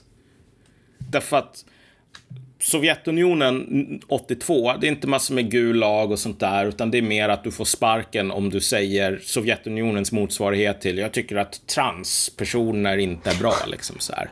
Och en person som då väljer Sydkorea, då känner man lite så här, du är lite farlig för dig själv. Ja. Och tänk om du skulle skaffa barn. Hur fan skulle det bli? Ja, nej men så här, okej. Okay. Du vet, de, det är ändå så att barnen, de får typ leka. Ja, det är hemläxor och allting sådant. Men barnen åker på hike. Det är ingen som säger hur kan du låta din unge fira sin födelsedag när ungen borde förbereda sig för nästa prov? Du är fan sjuk i huvudet. Utan folk bara säger, nej men barn ska leka, okej, okay, fine. Och det är liksom, det är ett dåligt land, Sovjetunionen, typ 82. Det är inte bra nödvändigtvis, det är ganska dåligt. Men det är mänskligt. Det är mänskligt dåligt. Ja, jag fattar poängen. Vi ska kanske snart avsluta ja. det här. Innan vi gör det så måste vi bara göra en obligatorisk grej och det är att diskutera lite World of Warcraft här. För att, alltså, när du pratar om Sydkorea, det jag ser framför mig, det är ju de här riktigt sjuka nördarna man har spelat WoW med genom åren. Ja. De har ju exakt den approachen, verkligen så här. Vad fan gör du för något? Jag, jag gick på toa. Va? Ja, det är bara att pissa i en flaska liksom. Ja, men de är väl rätt bra på e-sport i Sydkorea, eller? Ja, precis. Jo, det är de ju. Det är precis som K-pop och allting annat där det är uh, det här sörg. Nej, men att varje människa bara en utbytbar liksom, reservdel som man kan liksom klämma ut så mycket som möjligt av innan man slänger dem på soptippen. För att de är uttjänta. Jag håller ju med om att allt allt det här är ju hemskt och liksom de generella riktlinjerna och så, men vi kanske, vi har inte liksom överdrivit det här, utan det är verkligen så här fucked up, eller? Ja, ja, alltså ja. Tänk dig hur sjukt det är med ett land där en majoritet ja. av studenterna eller liksom eleverna i, i, gymnasiet säger att de lider av kronisk sömnbrist. Ja, det är sjukt. Det enda det sättet som du kan ha sömnbrist i, i, um, i, i Sverige, i, i, gymnasiet, mm. det är typ två anledningar. Antingen så har du något medicinskt problem som gör att du inte kan sova, eller så är du typ dum i huvudet för att citera den stora ordföranden Marcus Allard. Och du sitter uppe till klockan tre på natten och spelar typ Counter-Strike eller någonting istället för att sova och dina föräldrar låter dig göra det. Det var typ exakt det, ja. Mm. Men i Sydkorea, då är det så här att det är inte du som sitter upp och spelar Counter-Strike, för Counter-Strike, det har du inte tid med. Utan det är dina föräldrar som säger att okej, okay, jag vet att den här Hangwon stänger klockan 12 på natten, men du kan klämma in en timme till. Mm. När du kommer hem. Så du kan ta och göra lite extra hemläxor mellan 12 på natten och 1 på morgonen. Och så kan du gå och lägga dig och så kan du gå upp klockan halv fem. Och göra lite läxor innan du går till skolan. Så, um, alltså det sker typ inte någon annanstans. Förutom i liksom andra sådana här östasiatiska helveteshål som typ Singapore, Hongkong och liknande. Där det är ungefär samma jävla bullshit. Medan folk håller på och säger, du vet, Japan, Japan, åh, oh, samurajkultur. Uh, liksom, folk ska liksom lära sig att leva på ett halvt riskorn och typ dyrka kejsaren och så vidare. Japan är fan någon jävla uh, motsvarigheten till um, liksom Göta kanal. Eller någon sån här liksom Markoolio i fjällen liksom bara, bara ett skämt i jämförelse med många andra av de här ställena i, i, i Sydostasien. Så här, I Japan då kanske man bara pluggar en tio timmar om dagen. Ah, och så har man typ ja. två timmar att spela och liksom kolla på anime eller någonting. Och så har, är det liksom 1,42 barn per kvinna, vilket är liksom en helt annan division än i Sydkorea. Så, så liksom det är inte att Japan är bra, Japan är riktigt dåligt. Men alltså Sydkorea är verkligen en, helt liga, en liga helt för sig själv. Det är skithårdsländer överallt, hörde du. Ja, jag vet. Man ska, man ska bo i Närke och ha det lagom. Nu ska vi skita i det här Ja. nu. Det känns som vi fick ett avsnitt. Ehm, så, eh, ja. Ja, och det, det kommer att komma ut någon gång, någon sån här essä i American Affairs som jag har skrivit tillsammans med en jänkare om, om de här temana som kanske har mer, mer, mindre polemik, eh, men någon sorts struktur också. Så det, det kan man läsa när det kommer ut.